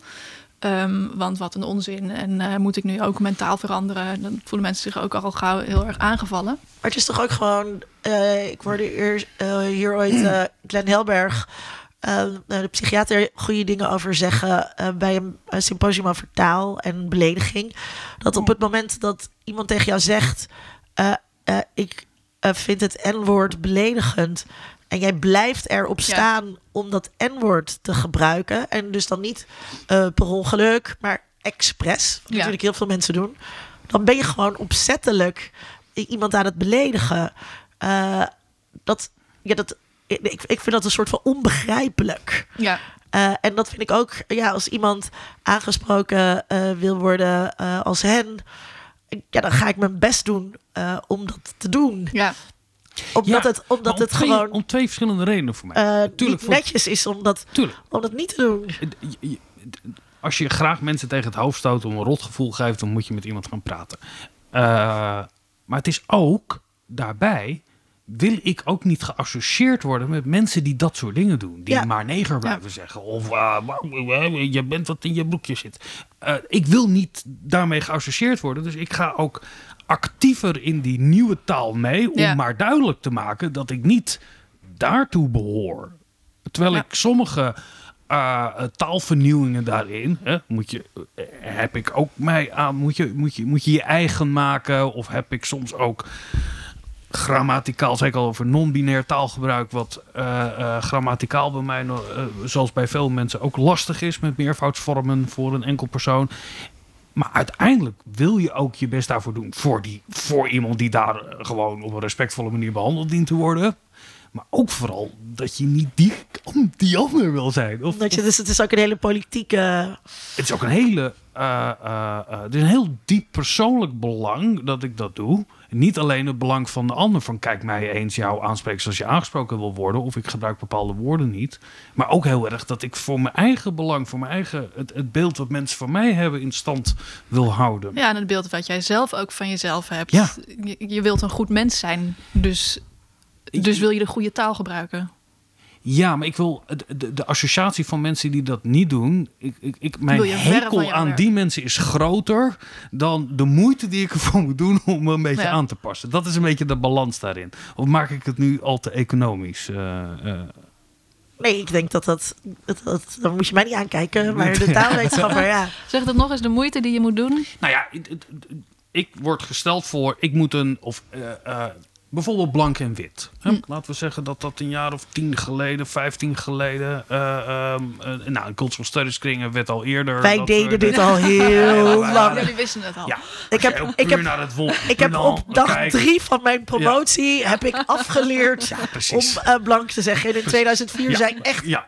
niemand zei wit. Ik, ik, en het was de, ook heel... Je bij. De het was discussies ook heel, die wij toen hadden, dat nu iedereen daarmee Het was ook heel pedant van ons. Ongelooflijk. En daar mensen op aanspreken. Hè, want ja, blank is de afwezigheid van bladibla.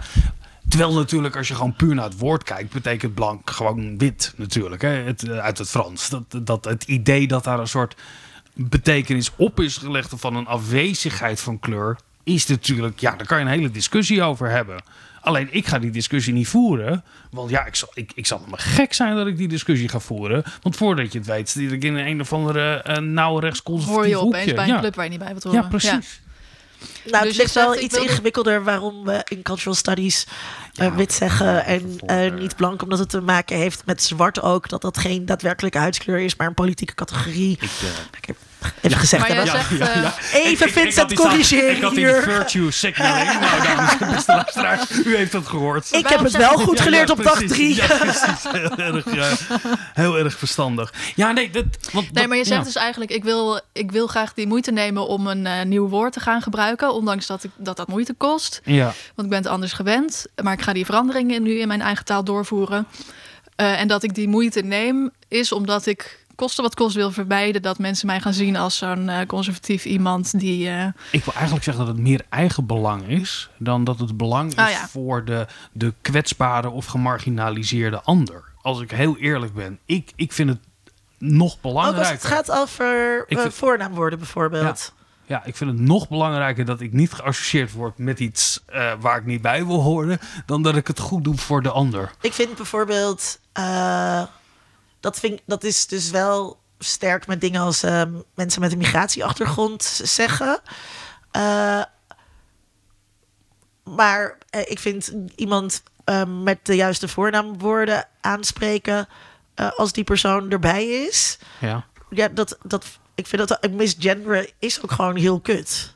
Ja, is echt. eh, Ja, dat, dat, dat, Grof. dat- daar zijn we het over eens. Ja. Maar at the end of the day, als ik heel eerlijk ben, wil ik ook dat diegene die ik aanspreek op, op een juiste manier mij associeert met iemand die aan, aan bij de leuke mensen hoort en niet bij de stomme mensen. Ja. Dus het Maar zit denk niet alleen ik- in die vorm, maar ook heel erg in die associatie daarmee. Ik, ik denk dat dat hetzelfde. Ik denk dat dat principe dat het daardoor komt dat mensen ook soms zo boos worden. Mensen die wel bijvoorbeeld het N-woord blijven zeggen en die daar kritiek Ja. op krijgen, die kunnen woedend worden omdat ze. ehm, die, die vinden zichzelf niet een racist. Ja. Ehm, die gebruiken gewoon dat N-woord omdat ze ervan overtuigd zijn dat heeft geen negatieve connotatie. Ik gebruik dat als neutraal woord, gewoon verwijzend naar persoon van kleur. En nu komt daar iemand die komt mij vertellen dat ik, omdat ik dat woord gebruik, een racist ben. Nou, Ja. mooi niet dus. Ze hebben ook altijd een zwarte neef die zichzelf ook met dat woord aanduidt. Ja, dus zij, dus zij kunnen geen Ja, racist precies. zijn. Ja. Eh, dus het gaat, zo'n woord staat voor iets veel groters. Inderdaad, wat voor mens ben jij? Het, het woord dat jij kiest, eh, dat plaatst jou in een van die twee groepen. Eh, en dat, ja, je wilt jezelf natuurlijk op een bepaalde manier zien. Je wilt jezelf natuurlijk als een goed mens zien en niet als een racist. Ehm, dus als iemand tegen jou zegt, ja, maar je gebruikt het N-woord nog en dat kan toch niet, dan Ja. maakt diegene jou voor racist uit en dat ben je niet. Maar dat, is, maar dat is natuurlijk nu ook met eh, blank, met mensen die door blijven hameren Ja. om blank te zeggen. Die willen ook blankzegger Ja, zijn als politiek precies, dan wordt het een statement. identiteit. Ja. Ja. Kijk maar eens op Twitter. Als iemand het wordt een wit persoon, dan eerst de twintig reacties. Bak, Ja, bak, ja. bak. Zit iemand Ja. heel enthousiast dat eh, in te Ja. typen. Ja. We gaan naar de Ik zeg gewoon blank hoor, ik blijf gewoon blank zeggen. Mag straks Blanca Vlado ook niet meer. Ja. En Toch kies jij nu voor een soort accent. Wat toch ook een vorm van code-switching is. Dat je Ja. dan dat nadoet om het ook te ridiculiseren, die ander. Dat doe ik ook heel vaak hoor. Ja, Kijk om, je om nu. dus expliciet heel duidelijk afstand te nemen. Dit is niet mijn normale stem. Ik doe nu iemand Ja. na. Ja, maar dan kies je altijd voor een niet-ABN variant. Dat doe ik ook. Als ik dan iemand Ja, maar hoe kan ik anders eh, een, een, een, iemand nadoen? Dan? Want kan ik niet in dezelfde manier blijven praten als ik praat? Nee, Nou, je zou dat niet in het Engels zeggen misschien. Want het Engels is juist meer een taal om, om woke dingen in te zeggen misschien. Eh, maar, nee, maar dus als je zelf van ik blijf blank zeggen dat je, Ja, eh, eh, dan moet ik laten zien dat ik dat niet zeg. ja, Dus ja. dan moet je een moet je andere het op een vorm. andere manier zeggen dan Ja. hoe je normaal praat. Ja, maar dan kies je voor een andere tongval. Je kan ook een andere toonhoogte nemen. Ja, ik zei het ook snel. Ja. Nee, maar ik doe het Ja. ook dan. Ja. Als ik, En dat zou ik misschien in het Engels ook doen, of heel langzaam of zo. Want dan kan ik niet zo goed accenten nadoen. nee, het is wel interessant wat voor, wat voor accent of tongval je dan daarvoor gebruikt. Ik, ik denk dat, mensen, dat het inderdaad voorkomt dat mensen dan bijvoorbeeld opeens in een Brabants eh, accent gaan praten. ja, Voor zover ze dat kunnen. Ja. Eh, om, om te laten zien van kijk, dit is een heel conservatieve eh, mening. eh. mensen in mijn nabijheid hebben wel zo geweest dat er dat in mijn beleving er eigenlijk maar drie soorten accenten zijn. Je zegt, Je hebt gewoon normaal Nederlands, dan heb je noordelijk. Dat is alles wat in de serie saai zit, wat Ja. je dan nadoet. En je Ja. hebt een soort, ja, Brabant, Limburg of Ja, wat dan ja, ook. ja. Oh, en dan heb je ook nog de boeren uit Twente natuurlijk, door gewoon alles in te slikken. Die Ehm, klinken voor mij hetzelfde als eh bij de Saar. Noorder. Sterren. Ehm, ik heb nog één vraag voor je. Mhm. Namelijk, op welke manier stelt taal ons in staat om onszelf te zijn? Of te worden wie we willen zijn? Ehm, door de manier hoe we de taal gebruiken. Namelijk aan het einde van de aflevering. Is tracht wel deze vraag te Is beantwoorden. die Je mag- zin Ja, nee, grammaticaal correct? Niets van. Er staat Zit ik nu te kijken Ja, is in je het- vrije schoolidentiteit Ja, precies. uitgedrukt. Het is- Ja. En toch voel ik me nu beschaamd ook. Hè, dat eh, ondanks de korte nachten die ik heb gehad. Hij had hem Hoe- anders hoe- hoe- uit moeten spreken. Ja, dan volgens mij moet hij... het zijn op welke manier. Hoe kan taal ons helpen onszelf te zijn? Linde, jij mag als eerste en dan geven sterren het laatste woord. Ehm, ik, ik, ik, er is niet zoiets als onszelf, denk ik, als het gaat over eh, taal. Want eh, we worden geboren en dan kunnen we nog niet praten. En taal eh, leer je altijd in relatie met anderen. Eh, dus, eh, of nou ja, dan is misschien onszelf dus het, beste woord. Dus niet jezelf, maar eh, taal zegt altijd iets over de groep waartoe je behoort. Eh, en dus misschien ook wel de groep waartoe je wilt behoren. Maar dat verlangen, daarmee val je dus gewoon al heel snel door de boot. denk ik. Hè? Dus, nou ja, dat, dat toilet bijvoorbeeld. wat dan eh, vroeger vooral, denk ik, denk dat iedereen deze voorbeelden inmiddels ook wel een beetje kent. Eh, eh, maar ik bij de slager, als ik bij de slager in Amsterdam gisteren, dat, zij hebben natuurlijk ook wel door dat het, dat, het, dat het nergens op slaat en dat het een soort aangeleerd is. En aangeleerd is ook een heel. ehm, wordt ook gebruikt als een soort. eh, eh, ehm, om iemand belachelijk te maken of zo. zo. Praat jij niet echt? Dat Ja, is dat is nep. aangeleerd. Dat is, dat is nep. Daar moet je moeite eh, voor doen. Ehm, dus eh, ik denk dat. eh, ja, wat was de vraag ook weer? Nee, nou in hoeverre, op welke manier taal bijdraagt aan, jouw, ge- aan het idee over jezelf, je identiteit. Hoe, hoe, hoe vormt taal jouw identiteit? Dat is een enorm grote vraag, maar Ja, dus ik denk dat, dat taal vooral eh, een eh, weergave is eh, van identiteit. Dus het is ook dus heel erg, ook als ik kijk bijvoorbeeld naar identiteitsperformance, dat zit ook heel erg in, in taal. Dus bijvoorbeeld voor- in mijn proefschrift heb ik gekeken naar de identiteitsperformance van meiden.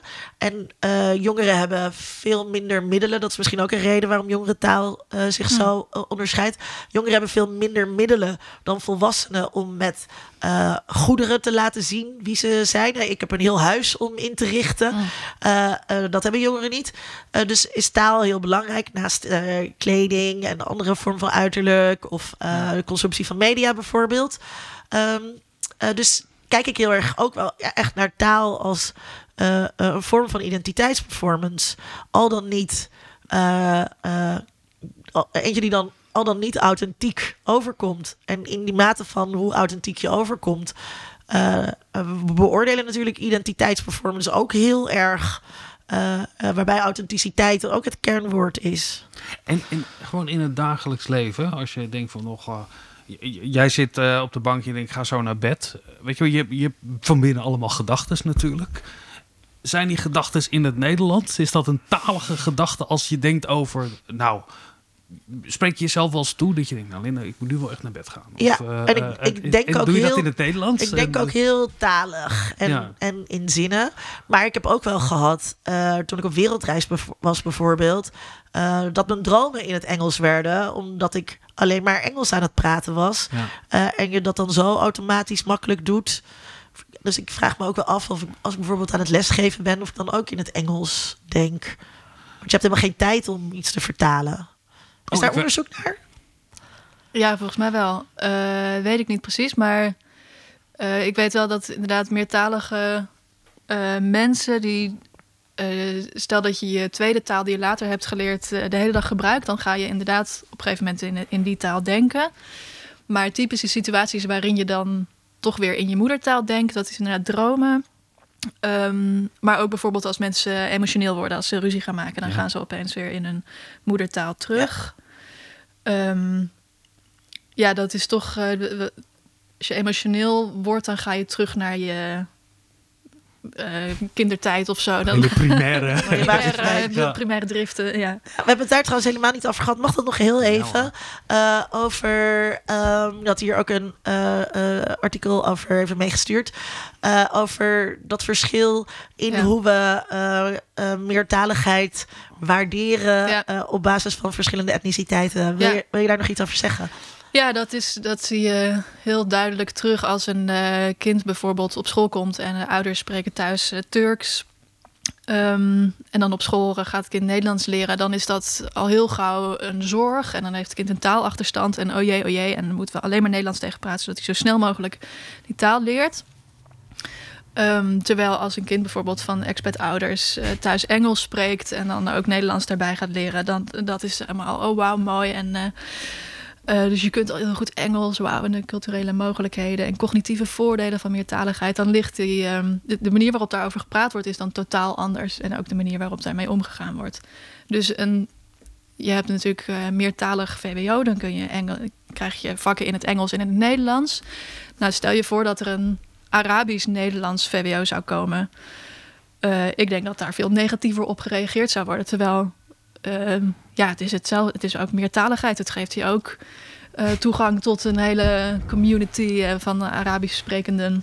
Dat is hartstikke Ehm, geeft je ook die ja. cognitieve voordelen, ja. En, ehm, Dus daar wordt er heel anders over gedacht. Eh, het- heeft dus heel duidelijk te maken met land, van, land van herkomst. Ehm, op de tussen aanhalingstekens zwarte school uit mijn promotieonderzoek, waar dus veel leerlingen zaten met een Turks of Marokkaanse achtergrond, was er heel duidelijk de regel, hing ook overal op bordjes. eh, op school spreken we Nederlands. Ja. En eh, eh, het is ook een soort van taalpolitiek eigenlijk, toch? Absoluut, Wat doet denken ja. aan hoe vroeger dialect spreken Ja. verboden was. Of hoe in sommige landen indigenous, wat ik ook niet zo lekker kan vertalen, indigenous, eh, indigenous talen niet mogen. Ja. ja, zeker. En dat kan ook echt schadelijk zijn. Ehm, eh, wat je krijgt is dat leerlingen zich gaan schamen voor die thuistaal. Ehm, eh, dat kan ook heel. eh, ja, nou ja, als je je schaamt voor iets op school, dat is sowieso niet erg bevorderlijk voor je welbevinden en daarmee ook niet voor je schoolprestaties. Dus die kinderen presteren ook minder. Maar dat komt dus niet per se doordat ze dat Nederlands nog niet kunnen. Ehm, soms ook, maar, maar ook gewoon door dat stigma wat ze de hele dag ervaren. Ehm, het is ook best wel lastig voor dit soort leerlingen dat ze dan thuis de ene taal spreken en op school die taal helemaal niet kunnen gebruiken. Dat wordt soms echt afgestraft. Moet je nablijven als je. Deze ik kreeg echt straf als Ja. ze op het schoolplein onderling eh eh, Turks spraken. Ja, stel je voor wat dat met je doet. Dat is toch, Ja. terwijl eh, er, nou, er is allerlei onderzoek dat laat zien als je kinderen ehm, juist toestaat om die taal te spreken. Niet anything goes, maar, maar wel ehm, om dat strategisch op, op momenten dat dat zinvol is, wel te gebruiken. Ehm, dat gaat veel beter. Dan voelen ze zich meer thuis op school. Ze kunnen makkelijker vrienden maken. En eh, de taalkennis die ze al hebben, kunnen ze inzetten om die nieuwe taal te leren. Ja, Ehm, dat gaat dan ook veel beter. En er is ook allerlei kennis die je kunt overdragen. Ik bedoel, als je al in het Turks hebt leren tellen bijvoorbeeld... dan, dan hoef je alleen maar de Nederlandse woorden erbij te leren. Maar dan kun je die kennis als het ware meenemen. Dus er zijn allerlei voordelen aan het wel juist toestaan van gebruiken van die thuistaal. En ook juist het stimuleren daarvan. Op, op het juiste moment inzetten daarvan. Ehm, maar helaas is toch heel vaak de opvatting nog van... oh jee, een andere taal. Hu, ehm, we gaan alleen maar Nederlands praten, want dat is het belangrijkste boven alles. Ja. Wat ik ook snap, het is vaak uit eh, volstrekt goede bedoelingen. Ehm, het is natuurlijk ook, nou daar hebben we het over gehad, belangrijk dat je eh, standaard Nederlands leert spreken als je bijvoorbeeld bepaalde banen wilt in Nederland. maar het is, Ehm, maar het is ook, het maar was het ook schiet een, zijn doel wel voor, ver voorbij. het was ook een slogan van de VVD. Ja. Eh, het is ook wel echt taalpolitiek. Ja. Waarvan we, waarvan ik denk als het gaat over eh, dat verplicht moesten afleren van dialecten, inmiddels eigenlijk door bijna iedereen wel gezegd wordt dat dat toen fout was. Eh, terwijl eh, dit soort ja, racistische praktijken eigenlijk volop worden toegestaan. Ja, als het over taal gaat. Ja, Ja. Mijn dochter zit op kinderdagverblijf en samen met een meisje en haar moeder is Frans. En die praat altijd zo leuk Frans met elkaar. En toen heb Ja. ik inderdaad wel eens gedacht, als die mensen ook net zo hard op hier Arabisch of Turks zaten te praten, vonden jullie het dan ook zo schattig dat Ja. kleine Juliette toch zo leuk aan het praten is in het Franse? En trouwens, Ja. Frans is een volstrekt nutteloze taal geworden. Dus het is ook niet een argument van we kunnen het. Kijk, het Engels, dat is leuk, weet je wel. Het is een internationale taal. En je hoeft in Amsterdam helemaal geen Nederlands te spreken. Het is Frans, heb je niks aan. Frans heb je echt van alles aan. Ik was Ja, laatst in nee, Marokko. Al en, eh, Afrika kun je, en je- ik kon hartstikke kun je mee goed mezelf communiceren. Ja. Ja, verstaan, Ja, maar precies. misschien moet je wat meer reizen, Kijk, Vincent. Matthijs maar van wat jij Nieuwkerk, zei- die vindt Frans ook leuk. Dus ga maar even nadenken wat Maar dat wat jij zei. Luna, het is inderdaad een heel duidelijke taalpolitiek iets. Ehm, dus die VVD-slogan was in, eh, in Rotterdam spreken we Nederlands, geloof ik. Ja. Was bij een of andere gemeenteverkiezing. Wat hilarisch is, in Rotterdam is zoveel taaldiversiteit. Ehm, en het- er, wordt Rotterdams gesproken, er worden honderd andere landstalen gesproken. En dat is natuurlijk iets prachtigs. Maar, maar die focus op het Nederlands die wordt inderdaad ook heel vaak ingegeven door een soort angst voor die meerduidigheid en al, al die talen. En dan ga je ook nog steeds wisselen binnen een zin van de ene naar de andere taal. Hu, chaos. Op, eh, op die school denk ik dat het ook echt te maken had met een vorm van controle. Ja. Eh, anders versta ik niet wat jullie aan het Ja, zeggen dat is vaak- eh, zijn. Leraren vinden het vaak eng om thuistalen in de klas toe te staan. Want ja, dan gaan die leerlingen maar met elkaar in hun taal spreken. En waar zijn ze dan mee bezig? Hebben ze het dan nog wel over de les? Of zijn ze aan het roddelen over andere leerlingen? Ehm, Of over hun. Of over hun. Dus, dus ja, inderdaad, Terwijl je dan dus gewoon eh, fucking Farsi kan leren. Dat kan ik ook. Hop, hop. of Meer talen leren, sowieso goed. Sterren, we gaan je nog een keer uitnodigen, want we zijn nog lang niet uitgesproken. Ze wordt de vraag nog beantwoorden. Ja. podcasts eh, maken. Ehm, Weet je de vraag nog? ja. Hoe kan taal ons... eh, hoe bepaalt taal wie we zijn? Ik, ik, volgens mij heb ik al drie keer een andere vraag gesteld, maar ze komen Ja. ongeveer hetzelfde neer. we kunnen met onze taal op ieder moment een ander beeld van onszelf neerzetten. Ehm, door iets heel subtiels te doen, zoals een andere R gebruiken of een andere G of een woordje Engels in je zin, kun je jezelf meteen bij een andere leeftijd laten horen of een andere regionale afkomst laten hebben of duidelijk maken dat je queer bent. En dan kan ik misschien, als ik een goede taalgebruiker ben, uh, met veel registervaardigheid, dan weet ik misschien dat Linda de referentie wel snapt en jij niet. Dus ik kan ook allerlei geheime codes doorgeven. Een identiteiten laten zien die, die de ene wel snapt en de ander niet. Ik kan me verbinden aan mensen. Ik kan me juist afzetten tegen mensen. En dat kan ik op ieder moment opnieuw doen. Uh, zonder dat het mij geld kost. Um, uh, dus dat maakt taal echt een super fijn instrument om je identiteit elke dag te construeren. Dankjewel. nice. Ja, voor een prachtig, Daar was prachtig hij. antwoord. Ja. Vond je het geen goede nice? Ik vond het. Uh, ja, ik zou het nooit gebruiken. Fraai, mooi. Het is een hele mooie Fraai? Dat is wel- ja, pff, Hoe is dat, dat is eh? wel ouderwets. Ja, nou ja. Beste luisteraar, dit was aflevering 184, als ik het goed heb uitgerekend, van de podcast Onder Media Doctoren. Je kan alles vinden op ondermediadoktoren.nl. Ehm, ook ons archief. En daarin vind je bijvoorbeeld de aflevering met Mark van Oostendorp. Toen hebben we het gehad over internettaal. In aflevering eh, 46 en aflevering 135 hebben we het zelfs over het vak Nederlands gehad. We hebben het een keer met Beatrice Ritsema eh, gehad over moderne manieren. We hebben het toch ook gehad over wat allemaal mag en niet mag. We hebben met Thijs Bol gesproken over klassen en ongelijkheid in het onderwijs. Ging ook over taal. En we hebben dus die aflevering over straattaal. En straattaal hebben we. Dus er is veel te vinden voor als je nog meer over taal wil horen. Veel meer over taal dan over popmuziek. Eh, ja, en zeer terecht. Heb je nou zelf een vraag?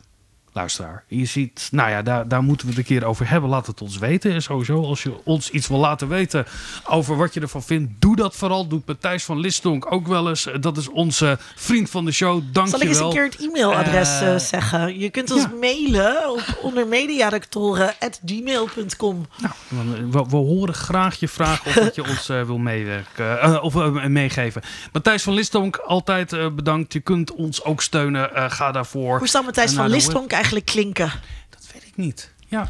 Nou ja, Matthijs, laat eens iets van je horen. Hè, wij, wij- zien alleen maar dingen van je natuurlijk. Ehm, steun ons, geef het door, eh, eh, Zeg spread het the word. Spread the word. Ga ik toch weer coach switchen, Ja, hè, hier Waarom? allemaal. Zeg En, het eh, voort. Dat is juist een hele het. Omdat je mooie... zo cool bent. Ja.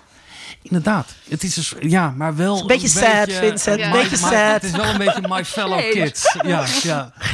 Ehm, heel veel dank, Ster. Fijn dat je er was. Heel leuk dat je er was. En jij bedankt, Linda. En eh, nou, Volgende keer gaan we het hebben over ehm, medische communicatie. tot dan. Heel graag tot dan. Doei. Onder Mediadoktoren is een podcast van Vincent Kronen en Linda Duits. Meer informatie vindt u op ondermediadoktoren.nl.